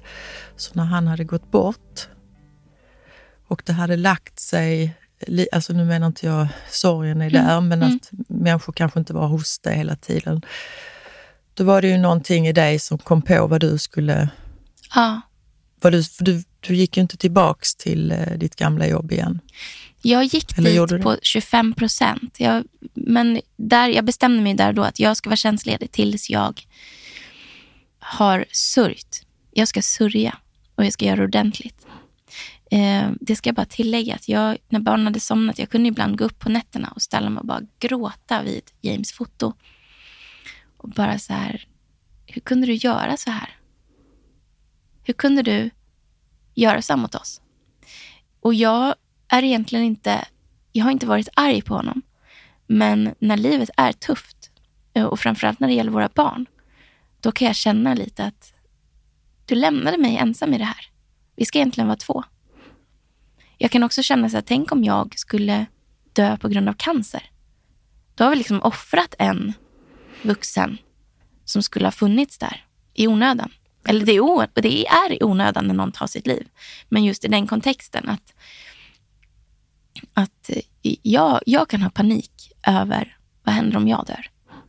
Jag kommer aldrig någonsin ta mitt liv. Det kommer inte hända. Jag skulle aldrig utsätta någon annan för det här som jag blev utsatt för. Eh, man flyttar bara över den psykiska ohälsan. Blev du arg på honom? Efter? Nej, egentligen, egentligen inte så här arg. Och jag blev inte det då heller. Jag tror skillnaden på mig och många andra som har varit med om samma sak, det är att jag sitter inte på ett varför. Jag vet exakt vad han har varit med om i sin uppväxt. Jag vet exakt hans känslor i slutet. För att jag drog dem ur honom. Han kunde ju sitta och jag såg att nu sitter du i de här tankarna. Berätta för mig. Vad är det exakt du tänker? Ja, vill, du, vill du helt ärligt veta? Ja, det vill jag. För jag känner att du tänker väldigt mörka tankar. Ja, jag tänker att egentligen så skulle man få tag i ett gevär på något sätt. Så att jag bara kan sätta pipan i munnen och trycka av så att skallen liksom blir tusen bitar. Jag satt ju bredvid och tårarna bara rann och alltså hjärtklappning och bara... Det var en mardröm. Och de här tankarna tänkte ju han även om jag inte hade dragit dem ur honom. Så så här gick han ju hela tiden. Men jag bestämde mig för, jag var så bestämd redan från början att för det första ska jag inte vara tyst om det här. Så jag började redan på mina sociala medier och skriva. Men jag var vaken på nätterna och skrev. För jag orkade inte svara i telefon när det ringde. Jag orkade inte liksom. Utan på natten var det lugnt. Så då kunde jag, jag lät min syster ha telefon så hon kunde svara om det var något. Så på nätterna så låg jag och bara skrev. Jag skrev av mig precis allting. Så här, hörni, i förrgår så tog min man sitt liv. Jag är i chock och jag har aldrig känt den här smärtan. Alltså, vet, jag bara skrev av mig precis allting, varenda steg. Eh, det här blev sån spridning. Och jag tror verkligen på riktigt, när någon tar sitt liv, det normala, som jag tycker är onormalt egentligen, det är att man tystar ner det. Nej hörni, vi kommer överens om att säga att det är hjärtat istället. Vi, vi går inte ut med vad som egentligen hände. Det känns bara onödigt. Det är det som gör att det kan fortgå. Det är så här, vi måste bryta och det är bara vi som har varit med om det här som kan bryta det. Som kan berätta exakt om en upplevelse. För känns det inte för människor, då bryr man sig inte heller. Jaha, det var någon som, ah ja, någon, där har någon bara försvunnit. Är man bara en siffra? Det känns inte för folk. Förstår du vad jag menar? Och för att vi ska kunna göra någon förändring så behöver alla vara inblandade i den. För vi alla mår dåligt ibland. Vi alla känner någon som mår dåligt ibland. Så jag bestämde mig, så här, jag, jag ska skriva en bok om det här. Jag ska föreläsa om det här. Redan alltså direkt när det händer. För att fler ska inte behöva uppleva det här. Det här är, det här är fruktansvärt. Och jag är inte naiv och tror att det kommer upphöra helt. Att vi inte kommer ha något endaste. Men det är fyra om dagen som tar sitt liv.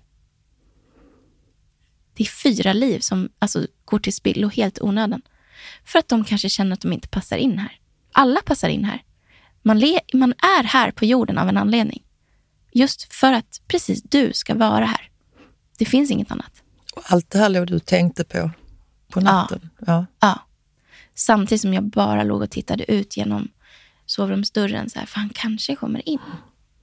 Han kanske kommer in där genom dörren snart. Um, ja, precis. Men jag, jag, skrev... Jag kunde nog slumra till kanske på dagarna, men på nätterna, alltså den ångesten. Och känslan av att det finns ingen som kan hjälpa mig. Jag visste att jag är den enda som kan ta mig ur det här. Eh, och det tänkte jag inte från första början. Från första början, helt ärligt, så kände jag att jag bara ville dö. Och jag visste inte om jag någonsin kommer kunna få leva med känslan av att vilja leva. Utan jag kanske kommer få leva resten av mitt liv med känslan av att bara vilja dö. Men då är det så det ska vara då. För att jag, jag ska leva. Men jag hade en sorg i mig att det var så livet blev. Nu är det slut. För känslan i mig var att jag var död. Men i det här, när allt återgår som det ska med min familj, de, de kan inte passa mig och barnen. Så är det ju. Så jag åkte och lämnade, min rutin var liksom att jag gick upp på morgonen, gjorde barnen i ordning, åkte och lämnade, Sa alltså, hej då till mina äldsta som gick till skolan. Och eh, till mina minsta, de åkte jag och lämnade på förskolan. Och varje gång i bilen hem så bara bröt jag ihop. Tårarna bara rann, så jag såg knappt vägen. Eh, och bara in och lägga mig på sängen. Eh, det här höll på kanske i fem veckor eller något sånt. Eh, sen ligger jag och scrollar på mobilen på Instagram. Jag använder min kanal då, Instagram. Instagram det är där jag skriver och Facebook. Så där skriver jag ju ut mina känslor. Och så här, idag har vi varit och tagit farväl på bårhuset. Nu har jag suttit och planerat begravning. Så ska jag som 33-åring, enka, bestämma vilken kista min 36-åriga man ska ligga i. Så jag vill inte ens tänka tanken. Det är två saker som inte ens passar ihop. Och bestämma vad de ska för, vilka blommor vi ska ha. Liksom. Det, det var så makabert på något vis. Och också höra när man sitter där på, jag tror att det var Fonus. Ja, det var Fonus. Hur, de är ju så rutinerade och pratar om det här också som om, de gör ju inget annat liksom. Ja, men ska ni ha den kistan och ska ni ha det här och vi ska ju frakta ner, då behöver vi tänka på att han behöver balsameras. Eh, är det gjort? Jag bara, ingen aning. Så då gick de ut och ringde till bårhuset. Var inte det en konstig fråga till jo, dig? Jo, jag är så här, jag vill inte överhuvudtaget veta. Bara gör det som behövs göras. Eh, då går de ut och ringer under tiden till bårhuset och kommer in igen. Ah, nej, men de har precis liksom sytt ihop honom, så det är redan för sent. Sa de sytt De kanske inte sa det ordet, men för mig var det i princip... Ja, men det var säkert det, fast i en annan... Ja, precis. Det var det de förmedlade. Eh, att det är för sent eftersom att obduktionen är redan gjord och han är redan han är precis klar. typ. Um, så det går inte. Utan då är alternativet att, vi, att ni får lägga till då typ en bodysäck, alltså en, en stor säck. Mm. Uh, och det är en, en säck egentligen med en dragkedja. Och den kostar? Som han får ligga i. Exakt. Ja. ja. Det, det var liksom siffror på precis allting. Den kostade, tror jag den kostade tusen kronor. Och balsamering hade kanske kostat, jag vet inte, men det var kanske 10 000. Jag minns inte. Men det var liksom att sitta med summor. Och det är så här, här ska vi ta våra sparpengar för att betala saker som jag inte vill lägga pengar på överhuvudtaget. Jag vill inte ens att det här ska vara sant. Förstår du vilka tankar man sitter i där och då? Inte att det kostar pengar, utan bara så här, jag blir tvingad till det här. Jag vill inte det här. Och den enda som kan ta det, alltså den enda som kan ta besluten är ju du. Ja. Det är ju ingenting heller man kan lämna över lite nej. glatt. Nej, till, precis. Nej. Jag fick ju ta den här bodysäcken. Men det enda jag kunde tänka var på att han ligger i den här kistan i en säck. Jag vet att de också börjar prata om att anledningen till att man måste ligga i den här säcken är för att förruttnelseprocessen påbörjas i samma sekund som man har skurit i, i liket. Mm. Och då kommer det börja lukta. Och då kommer man känna det i kyrkan. Och att eftersom att han ska fraktas då, han kommer inte kunna ligga i en kyl. Och jag var så här bara, ta bara vad vi måste.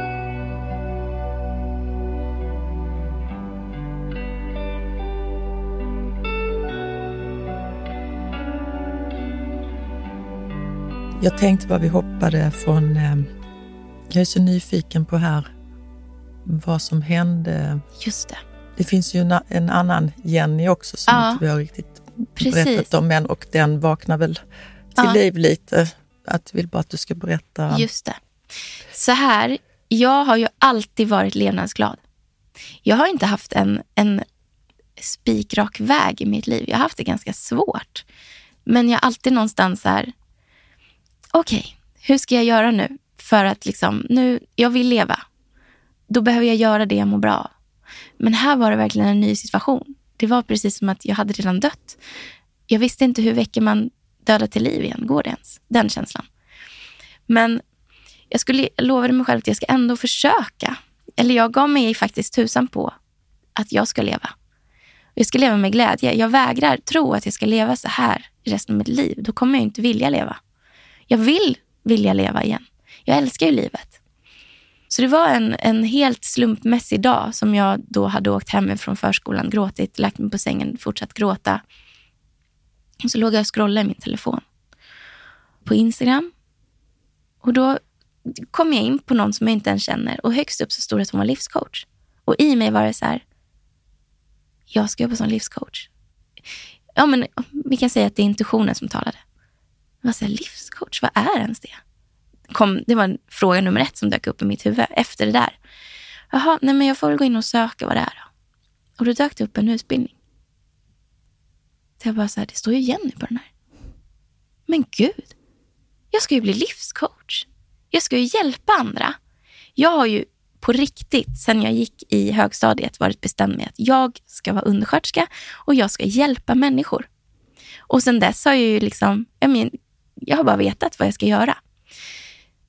Och sen har jag jobbat på sjukhus i mitt yrkesliv. Liksom. Jag kände på riktigt den sista tiden, för jag gick ju tillbaka till sjukhuset. Men jag kände också att det gjorde jag inte redan då, utan det tog kanske, jag vet inte hur länge jag var tjänstledig. I kanske sex månader, fyra månader, någonstans där. Och det var den här tiden som jag bestämde mig för att jag ska göra allt det som jag har velat i mitt liv, men inte gjort. Men till exempel utbilda mig till massör. Det är något som jag så här, åh, man skulle egentligen vara massör. Jag tycker det verkar så härligt att massera andra människor.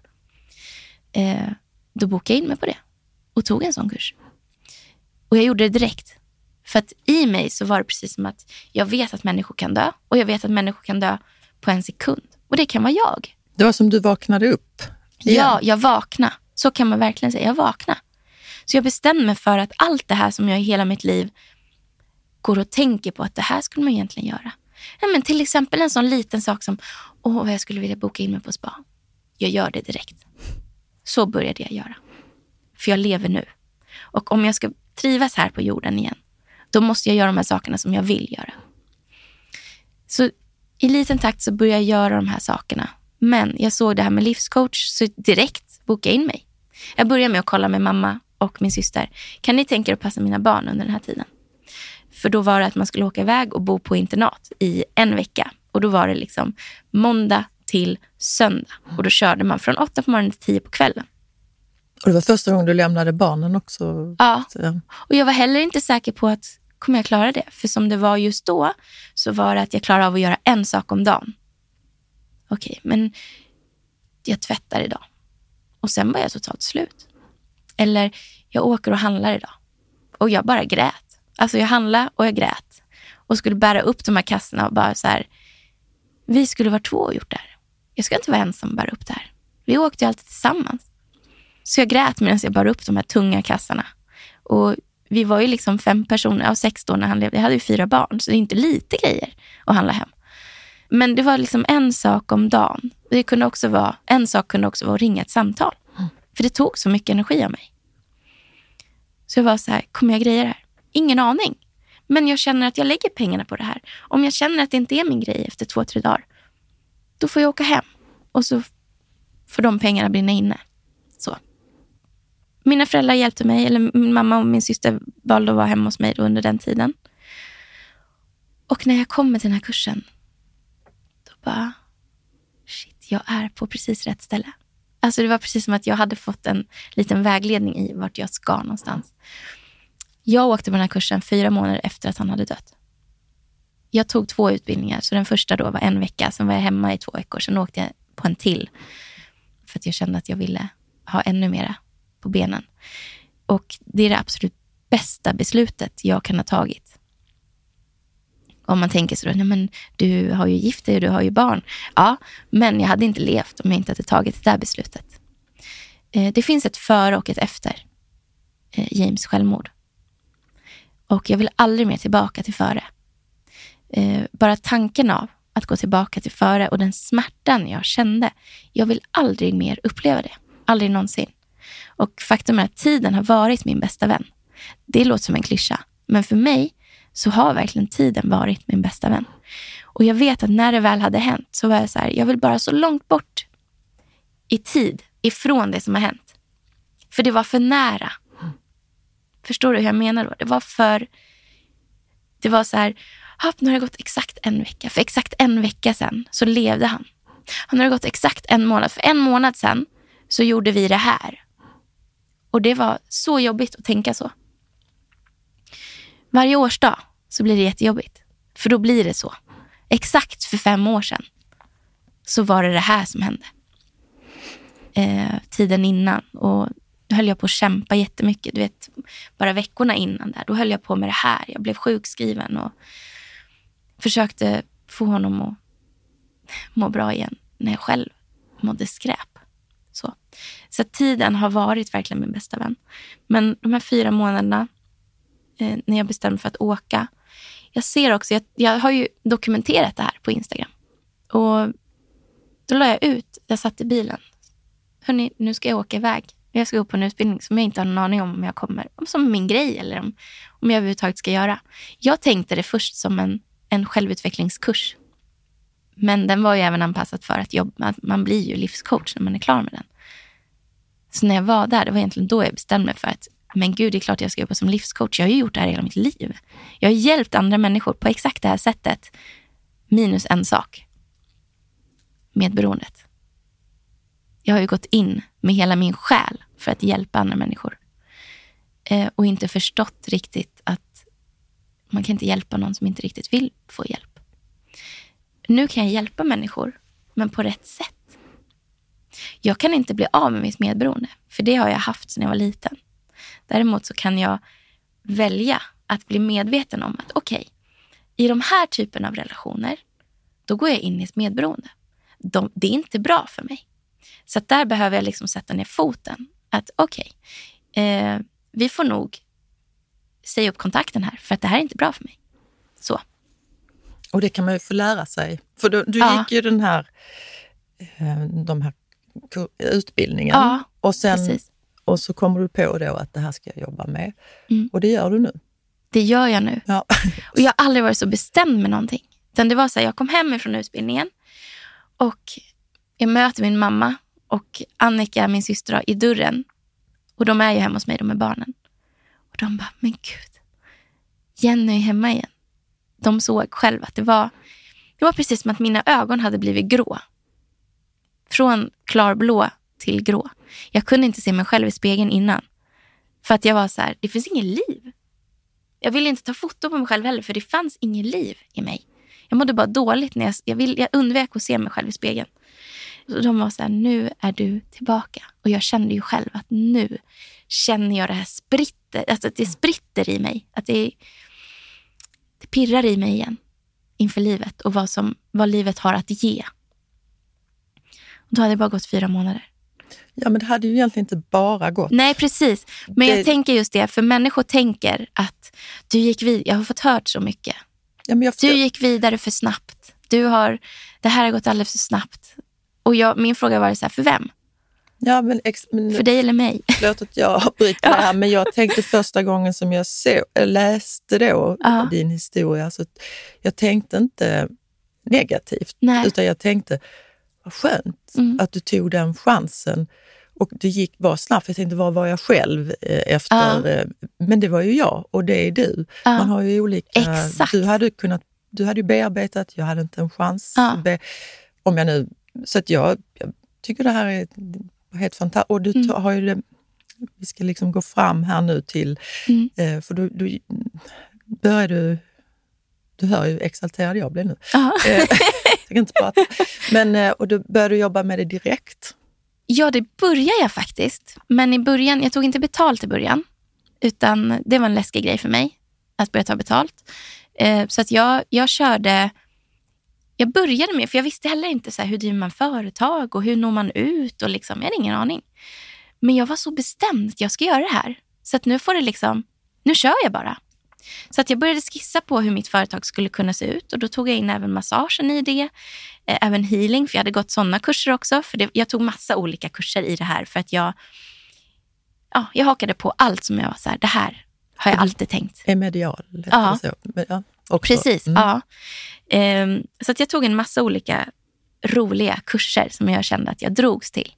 Och gjorde en massa roliga saker bara för att liksom komma igång igen. Och det här fick jag så mycket skit för. Och jag är så här, jag har mina barn att leva för. Jag måste ta ansvar för att hitta tillbaka till någon typ av liv för mig. Om jag ska kunna ta hand om dem på ett vettigt sätt. Hur skuffar du undan det då? För det kan ju vara också när man är i sorg att får man höra något mycket negativt och det är Ja. lätt att ta in det Ja, och skuffa undan sina egna... Och då har jag mitt uppvaknande, och, eller uppvaknande, det låter så frälst på något vis. Det, det har inget med det att göra, utan att jag vaknade. Jag började också ifrågasätta vem har bestämt att man ska jobba, att heltid är åtta timmar om dagen, fem dagar i veckan. Vem har bestämt det? Varför ser världen ut som den gör? Vem bestämmer över människor? Och varför har jag gått omkring här och trott att människor har bestämt över att jag ska göra på det här sättet? Så du brydde dig, du, försökte, du skuffade undan dem? Ja, Mm. jag var så här, ingen vet vad jag går igenom. Det är bara jag som vet.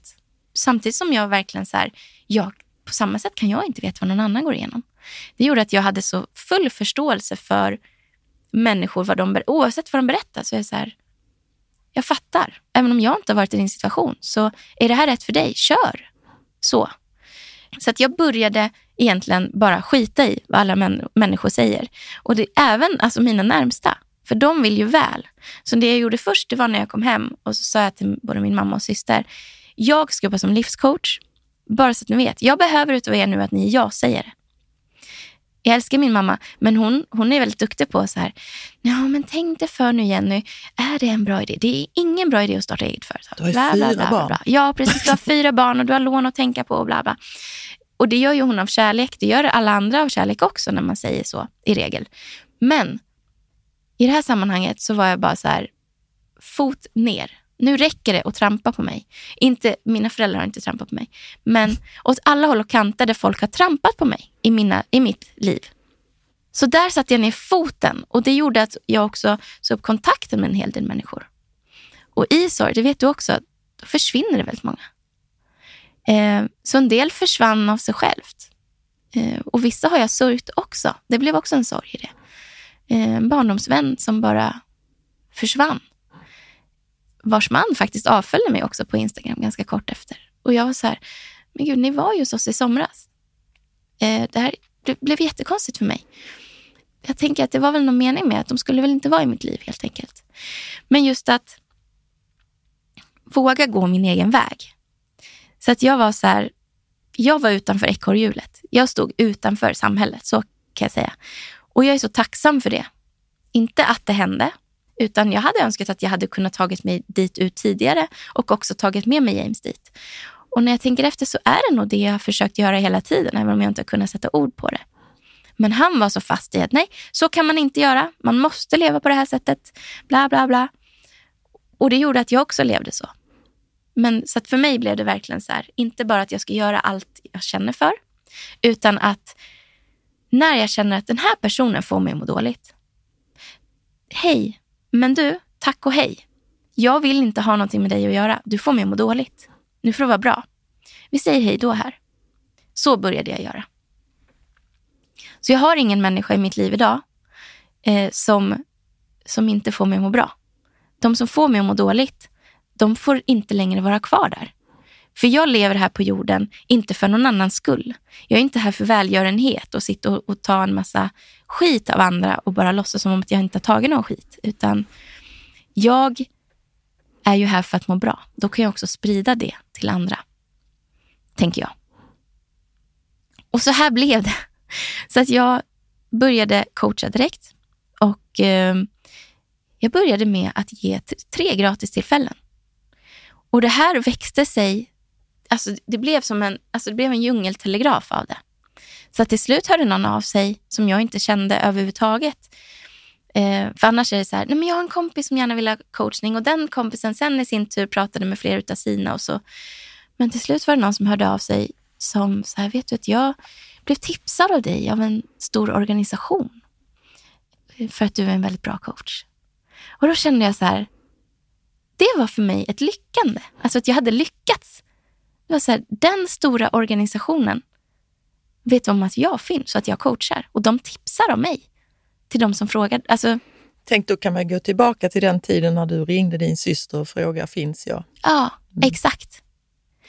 Så för mig har det här varit en stor jäkla revansch och till alla de som inte lyssnade på mig.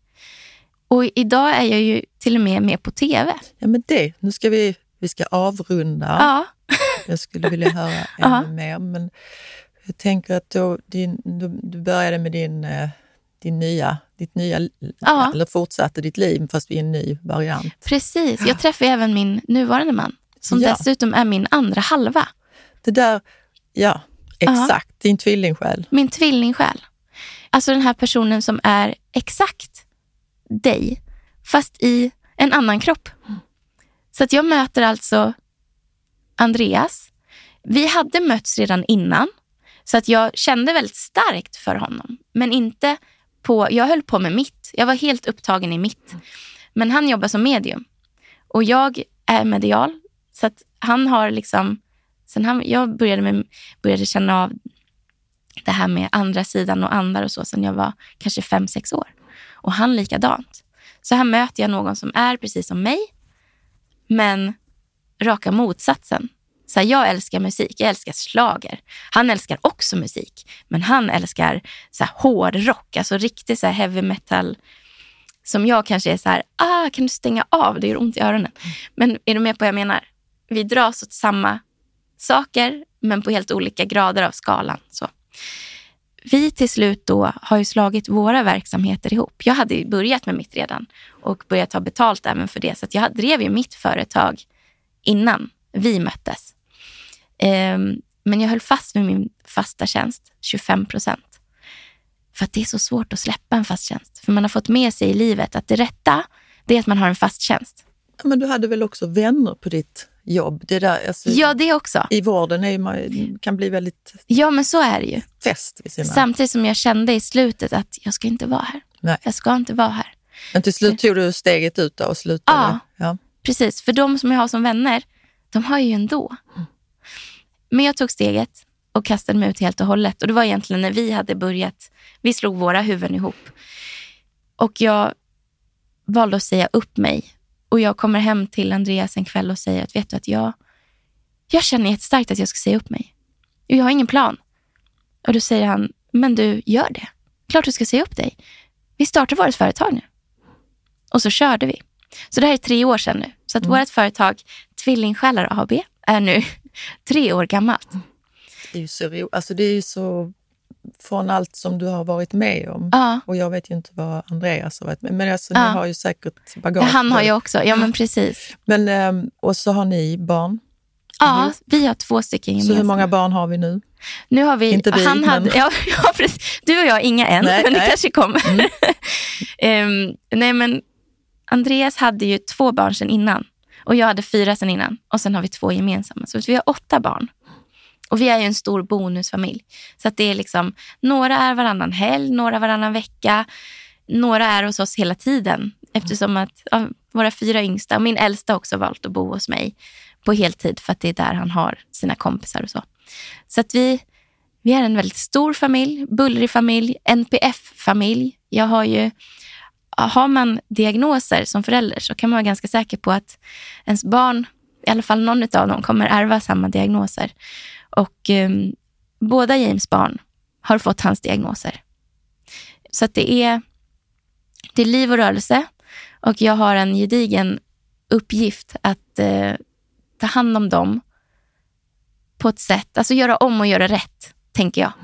Här kan jag, jag kunde inte hjälpa James, men jag kan göra allt jag kan för James två söner, ja mina söner är det ju också såklart. Eh, och bara kärlek, kärlek, kärlek. Och visa dem vad en möjlig väg i livet kan vara. Men mitt i all kärlek, kärlek, mm. barn, du och Andreas, så har ni ju, för du sa, ni har ju företaget ihop, Tvillingsjälar, ja. eller ja, Tvillingsjälar AB. Ja. Och sen så har ni podd. Mm. Och så har ni, och så är ni med, ska ni vara med på TV. Ja, precis. Vi, i, I vårt företag, om vi går till en bank, mm. eh, det här är vårt företag, då är de så här, oh, vad spretiga ni är i ert företag. Det är så här, jajamän, för vi gör allt vi tycker är kul. Vi vill inte utesluta något. Så att med ena handen så sitter vi och coachar, eller på ena sidan av skalan, människor i kris. Och på andra sidan av skalan så jagar vi spöken i tv. Då kan man tänka att det kanske är oseriöst, men vi är fullt seriösa i precis allting vi gör och går in till 100 procent. Vi går inte in i någonting som vi inte tycker är kul eller som vi inte skulle må bra av. Det är lätt att man fastnar i den här, vi behöver ju pengar, så att jag gör det här nu för att, nej, nej, nej, nej. Pengar för mig är absolut inte på första prio. Det är självklart någonting vi behöver i den här världen för att överleva. Men för min del, har jag tak över huvudet, mat på bordet åt mig, familjen, alltså barnen, vi är hela och rena. Sen då? Resten behöver inte, jag måste inte jobba åtta timmar om dagen. Kommer aldrig göra igen.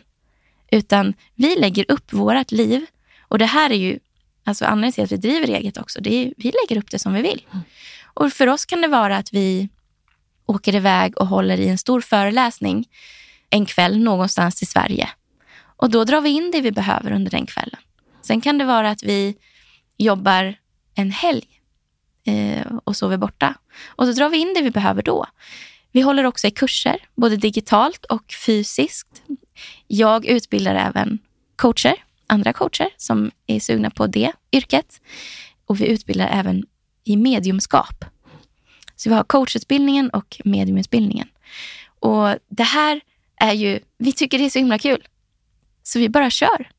Och för oss är det så här, jag har ett, jag har ett motto här i livet. Skapa dig ett liv som du inte behöver ta semester ifrån.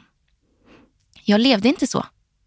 Jag levde utefter att livet är fyra veckor på sommaren i princip. Och sen så är det bara tungt. Det var inte mitt jobb som var tungt. Jag älskade att jobba på sjukhus. Utan det var mitt liv som var tungt. Det var alldeles för tungt att bära allting. Men det här spretiga, vi, vi ska avrunda. Ja. Men, ähm, för du, det här är spännande, det ska jag titta på. Spökjakt. Ja. Mm. Och där har ju Andreas varit med flera gånger innan. Men Precis. nu ska du också vara med. Ja, och det här är ju, det finns tre avsnitt ute nu. Så det är ju sju avsnitt totalt. Så då har jag lite att ta igen? Du har lite att ta igen, mm. ja men precis. Och varje söndag kommer det ut ett nytt avsnitt då, på Discovery+. Plus.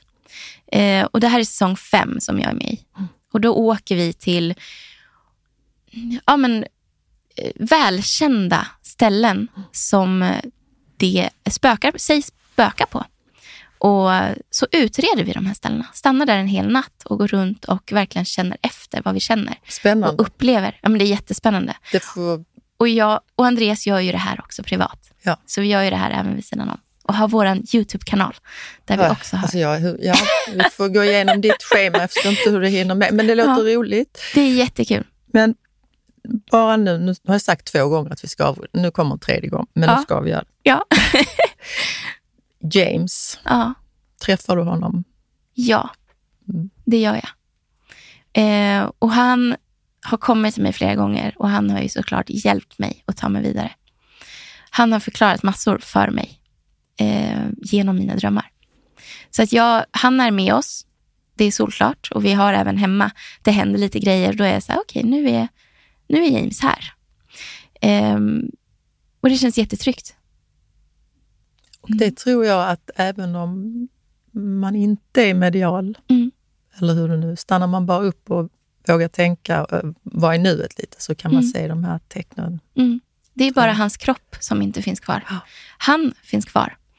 Och han, eh, han har varit väldigt noga med mig att eh, du ska fortsätta leva, Jenny. Jag kunde det inte, men du ska göra det. Och det drivet har eh, för mig och barnen har suttit väldigt djupt. Att jag, oavsett vad det krävs, så ska jag finna någon typ av lycka igen. Och eh, jag gjorde det. Men jag är så ödmjuk inför livet.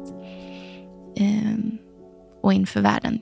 Jag, eh, mycket har ändrats i mig. Det är verkligen ett före och ett efter. Tack Jenny för att du kom hit. Tack snälla för att jag fick vara med här. Var god sörj görs av Manda Ersgård och Stray Dog Studios.